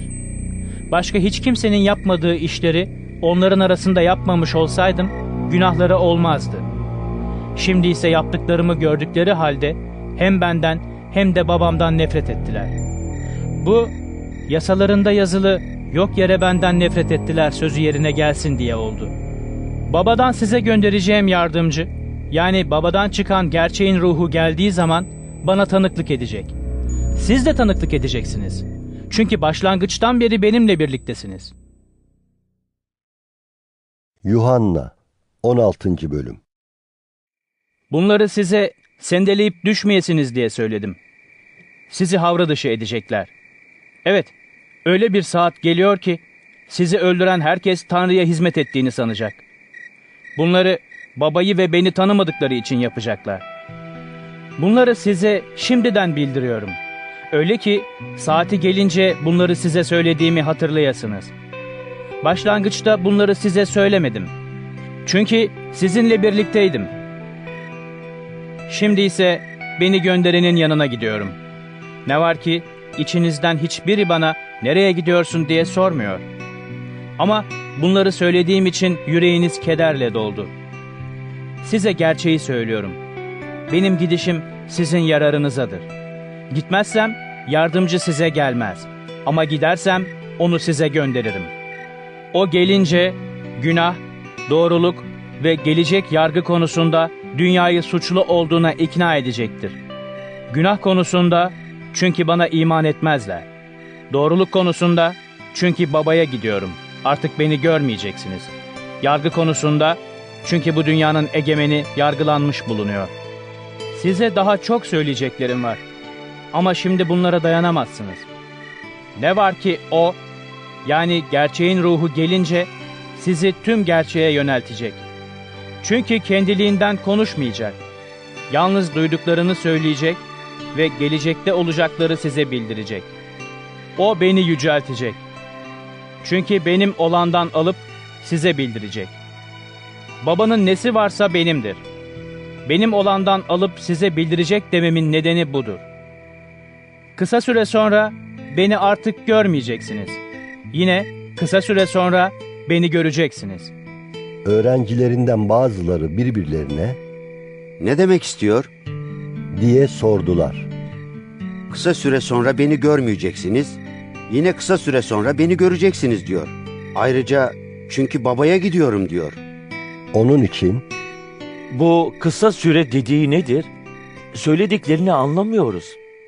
deyip durdular. İsa kendisine soru sormak istediklerini anladı. Onlara dedi ki, Kısa süre sonra beni görmeyeceksiniz. Yine kısa süre sonra beni göreceksiniz dememi mi tartışıyorsunuz? Size doğrusunu söyleyeyim. Siz ağlayıp yas tutacaksınız. Dünya ise sevinecektir. Kederleneceksiniz. Ama kederiniz sevince dönüşecek. Kadın doğum yapacağı zaman ağrı çeker. Çünkü saati gelmiştir. Ama doğurunca dünyaya bir çocuk getirmenin sevinciyle çektiği acıyı unutur. Bunun gibi siz de şimdi kederleniyorsunuz. Ama sizi yine göreceğim. O zaman yürekten sevineceksiniz. Sevincinizi kimse sizden alamaz. O gün bana hiçbir şey sormayacaksınız. Size doğrusunu söyleyeyim. Benim adımla babadan ne dilerseniz size verecektir. Şimdiye dek benim adımla bir şey dilemediniz. Dileyin, alacaksınız. Öyle ki sevinciniz tam olsun. Size bunları örneklerle anlattım. Öyle bir saat geliyor ki artık örneklerle konuşmayacağım. Babayı size açıkça tanıtacağım. O gün dileyeceğinizi benim adımla dileyeceksiniz. Sizin için babadan istekte bulunacağımı söylemiyorum. Çünkü beni sevdiğiniz ve babadan çıkıp geldiğime iman ettiğiniz için babanın kendisi sizi seviyor. Ben babadan çıkıp dünyaya geldim. Şimdi dünyayı bırakıp babaya dönüyorum. öğrencileri İşte şimdi açıkça konuşuyorsun. Hiç örnek kullanmıyorsun. Dediler. Şimdi senin her şeyi bildiğini anlıyoruz. Kimsenin sana soru sormasına gerek yok. Tanrı'dan geldiğine bunun için iman ediyoruz. İsa onlara Şimdi iman ediyor musunuz? diye karşılık verdi. İşte hepinizin evlerinize gitmek üzere dağılacağınız ve beni yalnız bırakacağınız saat geliyor. Geldi bile.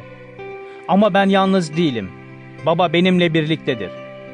Bunları size ben de esenliğiniz olsun diye söyledim. Dünyada sıkıntınız olacak. Ama cesur olun. Ben dünyayı yendim. Yuhanna 17. Bölüm İsa bunları söyledikten sonra gözlerini gökyüzüne kaldırıp şöyle dedi. Baba, saat geldi. Oğlunu yücelt ki oğul da seni yüceltsin. Çünkü sen ona bütün insanlık üzerinde yetki verdin. Öyle ki ona verdiklerinin hepsine sonsuz yaşam versin. Sonsuz yaşam tek gerçek Tanrı olan seni ve gönderdiğin İsa Mesih'i tanımalarıdır. Yapmam için bana verdiğin işi tamamlamakla seni yeryüzünde yücelttim. Baba, dünya var olmadan önce ben senin yanındayken sahip olduğum yücelikle şimdi beni yanında yücelt. Dünyadan bana verdiğin insanlara senin adını açıkladım. Onlar senindiler. Bana verdin ve senin sözüne uydular. Bana verdiğin her şeyin senden olduğunu şimdi biliyorlar. Çünkü bana ilettiğin sözleri onlara ilettim. Onlar da kabul ettiler. Senden çıkıp geldiğimi gerçekten anladılar. beni senin gönderdiğine iman ettiler. Onlar için istekte bulunuyorum. Dünya için değil, bana verdiğin kimseler için istekte bulunuyorum. Çünkü onlar senindir. Benim olan her şey senindir. Seninkiler de benimdir. Ben onlarda yüceltildim. Ben artık dünyada değilim. Ama onlar dünyadalar. Ben sana geliyorum. Kutsal Baba, onları bana verdiğin kendi adınla koru ki bizim gibi bir olsunlar. Kendileriyle birlikte olduğum sürece bana verdiğin kendi adınla onları esirgeyip korudum. Kutsal yazı yerine gelsin diye mahva giden adamdan başka içlerinden hiçbiri mahvolmadı. İşte şimdi sana geliyorum. Sevincimin onlarda tamamlanması için bunları ben dünyadayken söylüyorum. Ben onlara senin sözünü ilettim. Dünya ise onlardan nefret etti. Çünkü ben dünyadan olmadığım gibi onlar da dünyadan değiller. Onları dünyadan uzaklaştırmanı değil, kötü olandan korumanı istiyorum.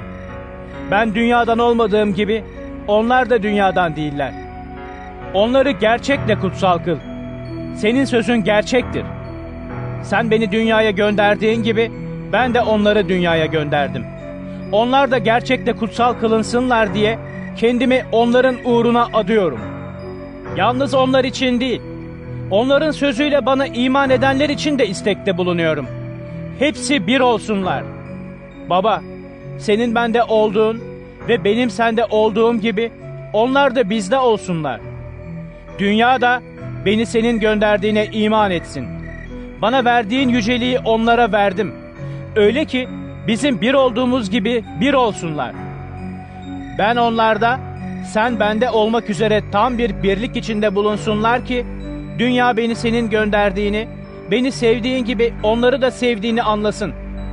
Baba, bana verdiklerinin de bulunduğum yerde benimle birlikte olmalarını ve benim yüceliğimi, bana verdiğin yüceliği görmelerini istiyorum. Çünkü dünyanın kuruluşundan önce sen beni sevdin. Adil baba, dünya seni tanımıyor ama ben seni tanıyorum. Bunlar da beni senin gönderdiğini biliyorlar. Bana beslediğin sevgi onlarda olsun. Ben de onlarda olayım diye senin adını onlara bildirdim ve bildirmeye devam edeceğim. Yuhanna 18. Bölüm İsa bu sözleri söyledikten sonra öğrencileriyle birlikte dışarı çıkıp Kidron Vadisi'nin ötesine geçti. Orada bir bahçe vardı. İsa ile öğrencileri bu bahçeye girdiler. Ona ihanet eden Yahuda da burayı biliyordu. Çünkü İsa öğrencileriyle orada sık sık buluşurdu. Böylece Yahuda yanına bir bölük askerle başkahinlerin ve ferisilerin gönderdiği görevlileri alarak oraya geldi. Onların ellerinde fenerler, meşaleler ve silahlar vardı. İsa başına geleceklerin hepsini biliyordu. Öne çıkıp onlara Kimi arıyorsunuz? Diye sordu. Nasıralı İsa'yı. Diye karşılık verdiler. İsa onlara Benim. dedi. Ona ihanet eden Yahuda da onlarla birlikte duruyordu. İsa benim deyince gerileyip yere düştüler. Bunun üzerine İsa onlara yine Kimi arıyorsunuz? diye sordu. Nasıralı İsa'yı. Dediler. İsa Size söyledim. Benim.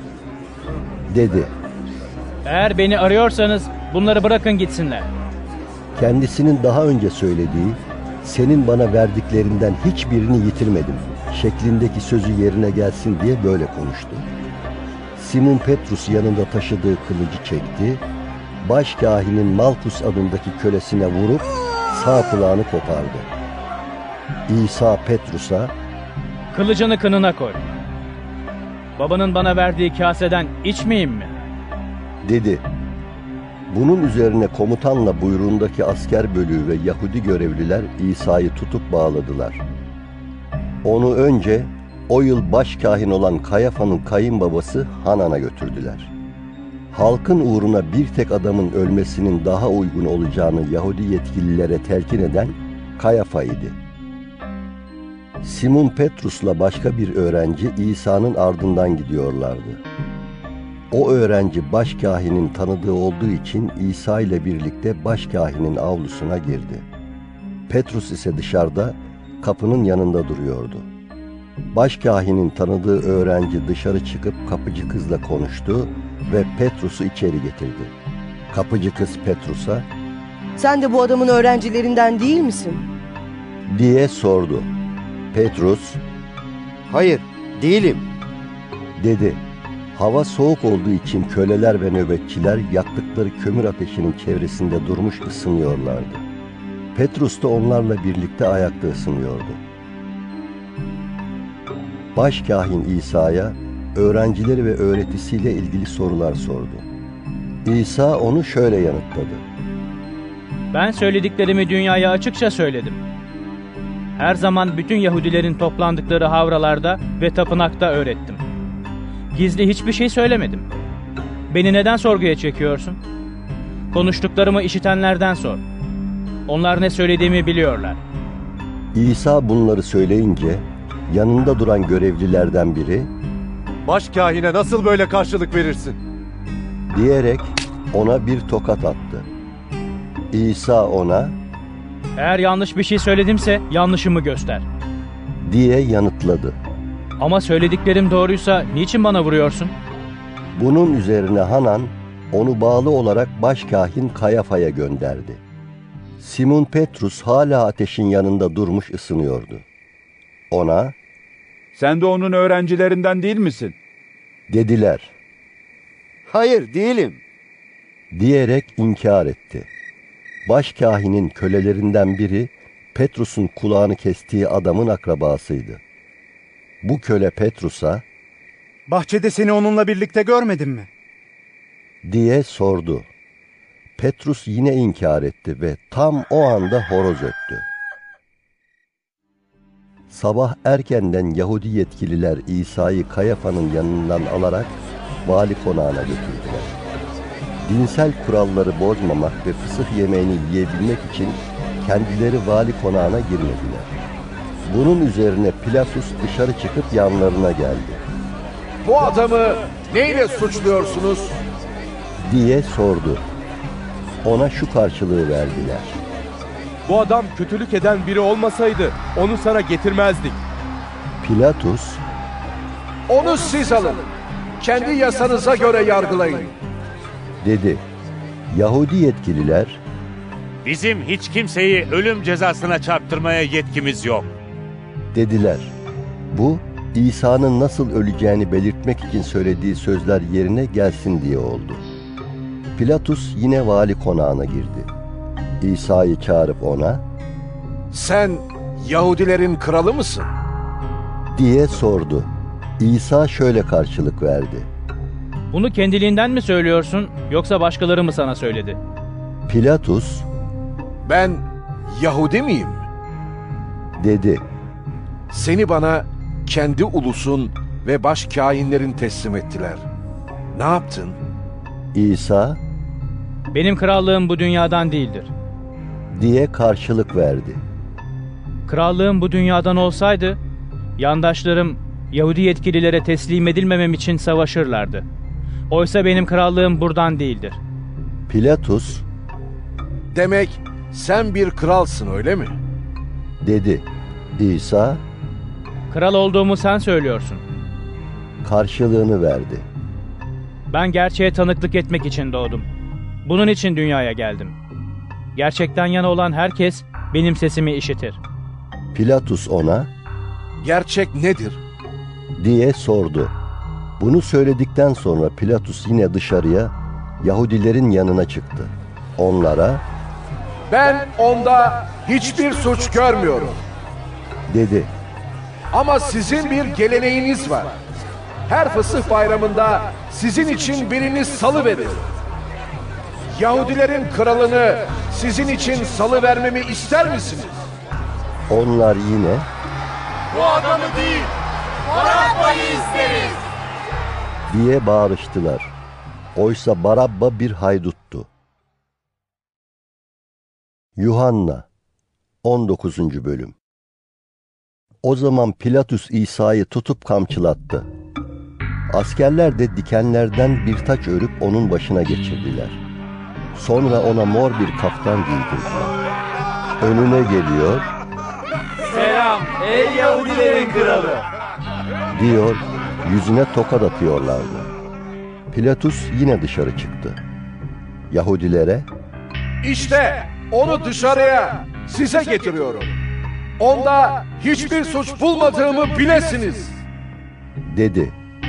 Böylece İsa başındaki dikenli taç ve üzerindeki mor kaftanla dışarı çıktı. Pilatus onlara İşte o adam. dedi. Başkahinler ve görevliler İsa'yı görünce Çarmıha gel. Çarmıha gel. diye bağırıştılar.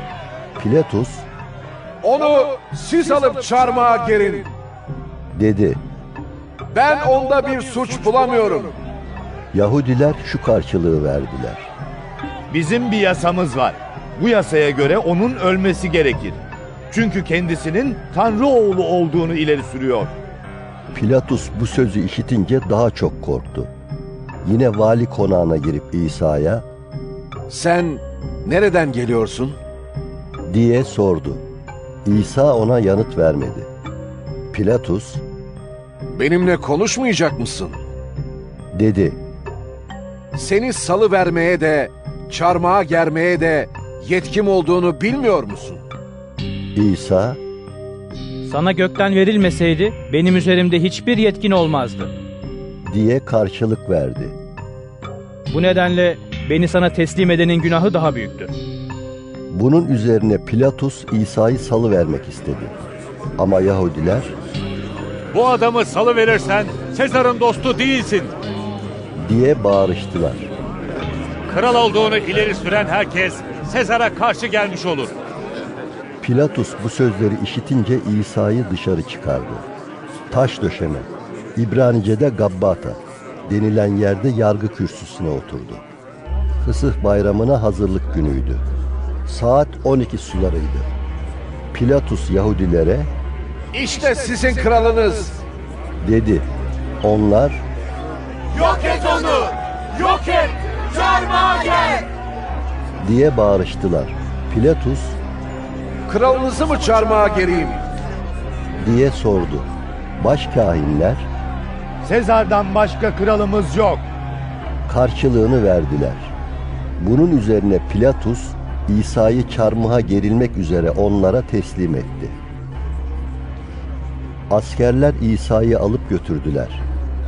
İsa çarmıhını kendisi taşıyıp kafatası İbranice'de Golgota denilen yere çıktı. Orada onu ve iki kişiyi daha çarmıha gerdiler.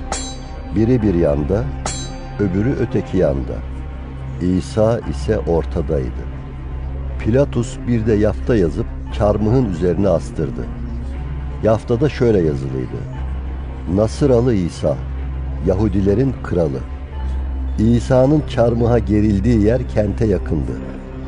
Böylece İbranice, Latince ve Grekçe yazılan bu yaftayı Yahudilerin birçoğu okudu.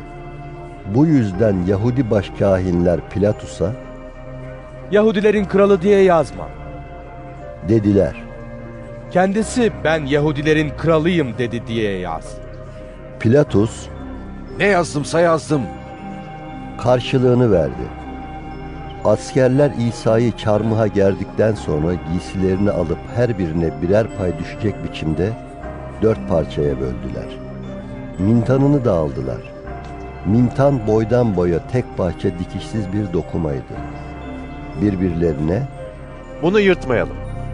dediler. Kime düşecek diye kura çekelim. Bu olay şu kutsal yazı yerine gelsin diye oldu. Giysilerimi aralarında paylaştılar. Elbisem üzerine kura çektiler. Bunları askerler yaptı. İsa'nın çarmıhının yanında ise annesi, teyzesi, Klopas'ın karısı Meryem ve Mecdelli Meryem duruyordu. İsa annesiyle sevdiği öğrencinin yakınında durduğunu görünce annesine Anne, işte oğlun. dedi. Sonra öğrenciye İşte annen. Dedi. O andan itibaren bu öğrenci İsa'nın annesini kendi evine aldı. Daha sonra İsa her şeyin artık tamamlandığını bilerek kutsal yazı yerine gelsin diye Susadım. dedi. Orada ekşi şarap dolu bir kap vardı. Şaraba batırılmış bir süngeri mercan köşk dalına takarak onun ağzına uzattılar. İsa şarabı tadınca Tamamlandı. Dedi ve başını eğerek ruhunu teslim etti. Yahudi yetkililer Pilatus'tan çarmıha gerilenlerin bacaklarının kırılmasını ve cesetlerin kaldırılmasını istediler. Hazırlık günü olduğundan cesetlerin şabat günü çarmıhta kalmasını istemiyorlardı. Çünkü o şabat günü büyük bayramdı. Bunun üzerine askerler gidip birinci adamın, sonra da İsa ile birlikte çarmıha gerilen öteki adamın bacaklarını kırdılar. İsa'ya gelince onun ölmüş olduğunu gördüler. Bu yüzden bacaklarını kırmadılar. Ama askerlerden biri onun böğrünü mızrakla deldi. Böğründen hemen kan ve su aktı. Bunu gören adam tanıklık etmiştir ve tanıklığı doğrudur. Doğruyu söylediğini bilir. Siz de iman edesiniz diye tanıklık etmiştir. Bunlar Onun bir tek kemiği kırılmayacak. diyen kutsal yazının yerine gelmesi için oldu. Yine başka bir yazıda Bedenini deştiklerine bakacaklar. deniyor. Bundan sonra Aramatyalı Yusuf, İsa'nın cesedini kaldırmak için Pilatus'a başvurdu. Yusuf, İsa'nın öğrencisiydi. Ama Yahudi yetkililerden korktuğundan bunu gizli tutuyordu. Pilatus izin verince Yusuf gelip İsa'nın cesedini kaldırdı. Daha önce geceleyin İsa'nın yanına gelen Nikodim de 30 litre kadar karışık mür ve sarı sabır özü alarak geldi. İkisi İsa'nın cesedini alıp Yahudilerin gömme geleneğine uygun olarak onu baharatla keten bezlere sardılar. İsa'nın çarmıha gerildiği yerde bir bahçe, bu bahçenin içinde de henüz hiç kimsenin konulmadığı yeni bir mezar vardı. O gün Yahudilerin hazırlık günüydü. Mezar da yakın olduğundan İsa'yı oraya koydular. Yuhanna 20. Bölüm Haftanın ilk günü erkenden, ortalık daha karanlıkken Mecdelli Meryem mezara gitti. Taşın mezarın girişinden kaldırılmış olduğunu gördü. Koşarak Simon Petrus'a ve İsa'nın sevdiği öbür öğrenciye geldi. Rabbi mezardan almışlar. Nereye koyduklarını da bilmiyoruz. Dedi. Bunun üzerine Petrus'la öteki öğrenci dışarı çıkıp mezara yöneldiler. İkisi birlikte koşuyordu. Ama öteki öğrenci Petrus'tan daha hızlı koşarak mezara önce vardı. Eğilip içeri baktı, keten bezleri orada serili gördü ama içeri girmedi. Ardından Simon Petrus geldi ve mezara girdi. Orada serili duran bezleri ve İsa'nın başına sarılmış olan peşkiri gördü. Peşkir keten bezlerle birlikte değildi. Ayrı bir yerde dürülmüş duruyordu. O zaman mezara ilk varan öteki öğrenci de içeri girdi. Olanları gördü ve iman etti. İsa'nın ölümden dirilmesi gerektiğini belirten kutsal yazıyı henüz anlamamışlardı. Bundan sonra öğrenciler yine evlerine döndüler. Meryem ise mezarın dışında durmuş ağlıyordu. Ağlarken eğilip mezarın içine baktı. Beyazlara bürünmüş iki melek gördü. Biri İsa'nın cesedinin yattığı yerin başucunda, öteki ayak ucunda oturuyordu. Meryem'e, Kadın, niçin ağlıyorsun? diye sordular. Meryem, Rabbimi almışlar. dedi. Onu nereye koyduklarını bilmiyorum. Bunları söyledikten sonra arkasına döndü. İsa'nın orada, ayakta durduğunu gördü. Ama onun İsa olduğunu anlamadı. İsa, Kadın, niçin ağlıyorsun? dedi. Kimi arıyorsun? Meryem onu bahçıvan sanarak, Efendim, dedi. eğer onu sen götürdünse nereye koyduğunu söyle de gidip onu alayım. İsa ona, Meryem, dedi. O da döndü İsa'ya İbranice Rabbani. dedi. Rabbuni öğretmenim demektir. İsa bana dokunma. dedi. Çünkü daha babanın yanına çıkmadım.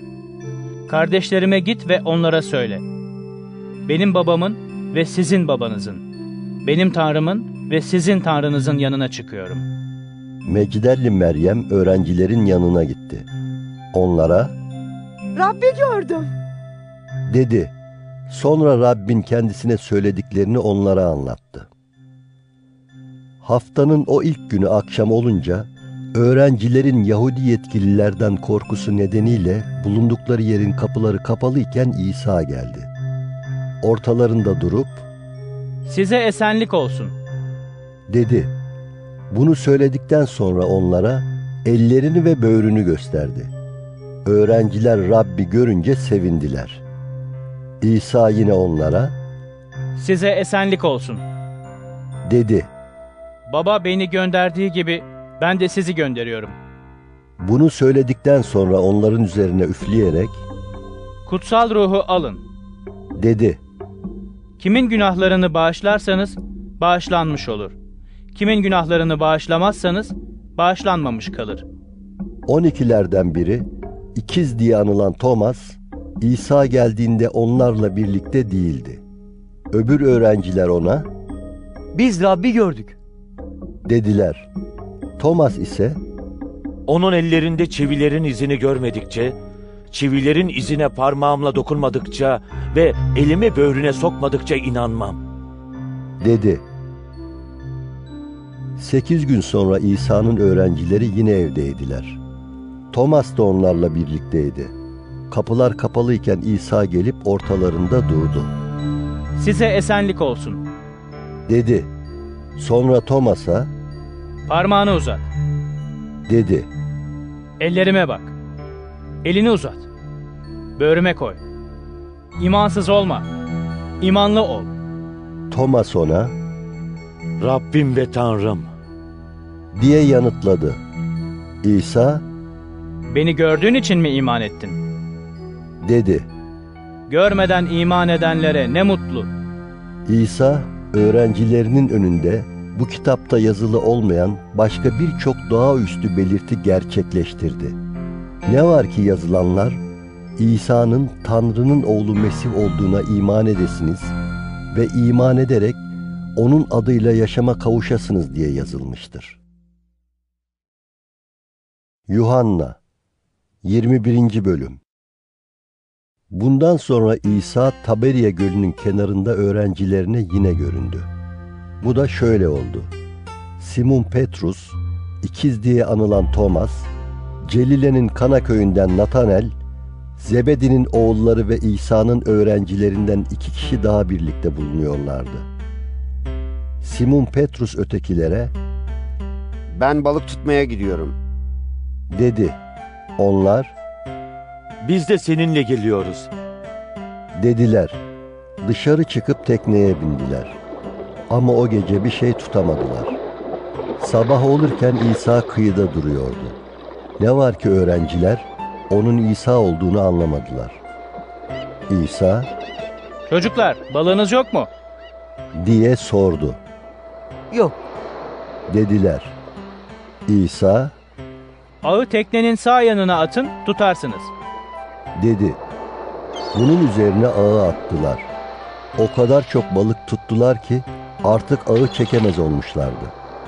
İsa'nın sevdiği öğrenci Petrus'a Bu Rab'dır. dedi. Simon Petrus onun Rab olduğunu işitince üzerinden çıkarmış olduğu üstlüğü giyip göle atladı. Öbür öğrenciler balık dolu ağı çekerek tekneyle geldiler. Çünkü karadan ancak 200 arşın kadar uzaktaydılar. Karaya çıkınca orada yanan bir kömür ateşi, ateşin üzerinde balık ve ekmek gördüler. İsa onlara Şimdi tuttuğunuz balıklardan getirin. Dedi. Simon Petrus tekneye atladı ve tam 153 iri balıkla yüklü ağı karaya çekti. Bu kadar çok balık olduğu halde ağ yırtılmamıştı. İsa onlara Gelin yemek yiyin. Dedi, öğrencilerden hiçbiri ona sen kimsin diye sormaya cesaret edemedi. Çünkü onun Rab olduğunu biliyorlardı. İsa gidip ekmeği aldı, onlara verdi. Aynı şekilde balıkları da verdi. İşte bu İsa'nın ölümden dirildikten sonra öğrencilere üçüncü görünüşüydü. Yemekten sonra İsa Simon Petrus'a Yuhanna oğlu Simon, beni bunlardan daha çok seviyor musun? diye sordu. Petrus Evet ya Rab. dedi. Seni sevdiğimi bilirsin. İsa ona Kuzularımı otlat. Dedi. İkinci kez yine ona Yuhanna oğlu Simon, beni seviyor musun? diye sordu. O da Evet ya Rab. Seni sevdiğimi bilirsin. dedi. İsa ona Koyunlarımı güt. dedi. Üçüncü kez ona Yuhanna oğlu Simon, beni seviyor musun? diye sordu. Petrus kendisine üçüncü kez beni seviyor musun diye sormasına üzüldü. Ya Rab. Sen her şeyi bilirsin. Seni sevdiğimi de bilirsin. Dedi. İsa ona Koyunlarımı otlat. dedi. Sana doğrusunu söyleyeyim. Gençliğinde kendi kuşağını kendin bağlar, istediğin yere giderdin. Ama yaşlanınca ellerini uzatacaksın, başkası seni bağlayacak ve istemediğin yere götürecek.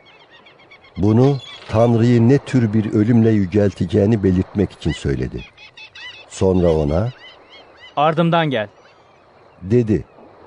Petrus arkasına döndü. İsa'nın sevdiği öğrencinin kendilerini izlediğini gördü. Bu öğrenci akşam yemeğinde İsa'nın göğsüne yaslanan ve "Ya Rab, sana kim ihanet edecek?" diye soran öğrencidir. Petrus onu görünce İsa'ya Ya Rab. Ya bu ne olacak? diye sordu. İsa Ben gelinceye dek onun yaşamasını istiyorsam bundan sana ne? dedi. Sen ardımdan gel. Bu yüzden kardeşler arasında o öğrencinin ölmeyeceğine dair bir söylenti çıktı. Ama İsa Petrus'a o ölmeyecek dememişti. Sadece ben gelinceye dek onun yaşamasını istiyorsam bundan sana ne demişti. Bütün bunlara tanıklık eden ve bunları yazan öğrenci budur. Onun tanıklığının doğru olduğunu biliyoruz. İsa'nın yaptığı daha başka çok şey vardır. Bunlar tek tek yazılsaydı sanırım yazılan kitaplar dünyaya sığmazdı.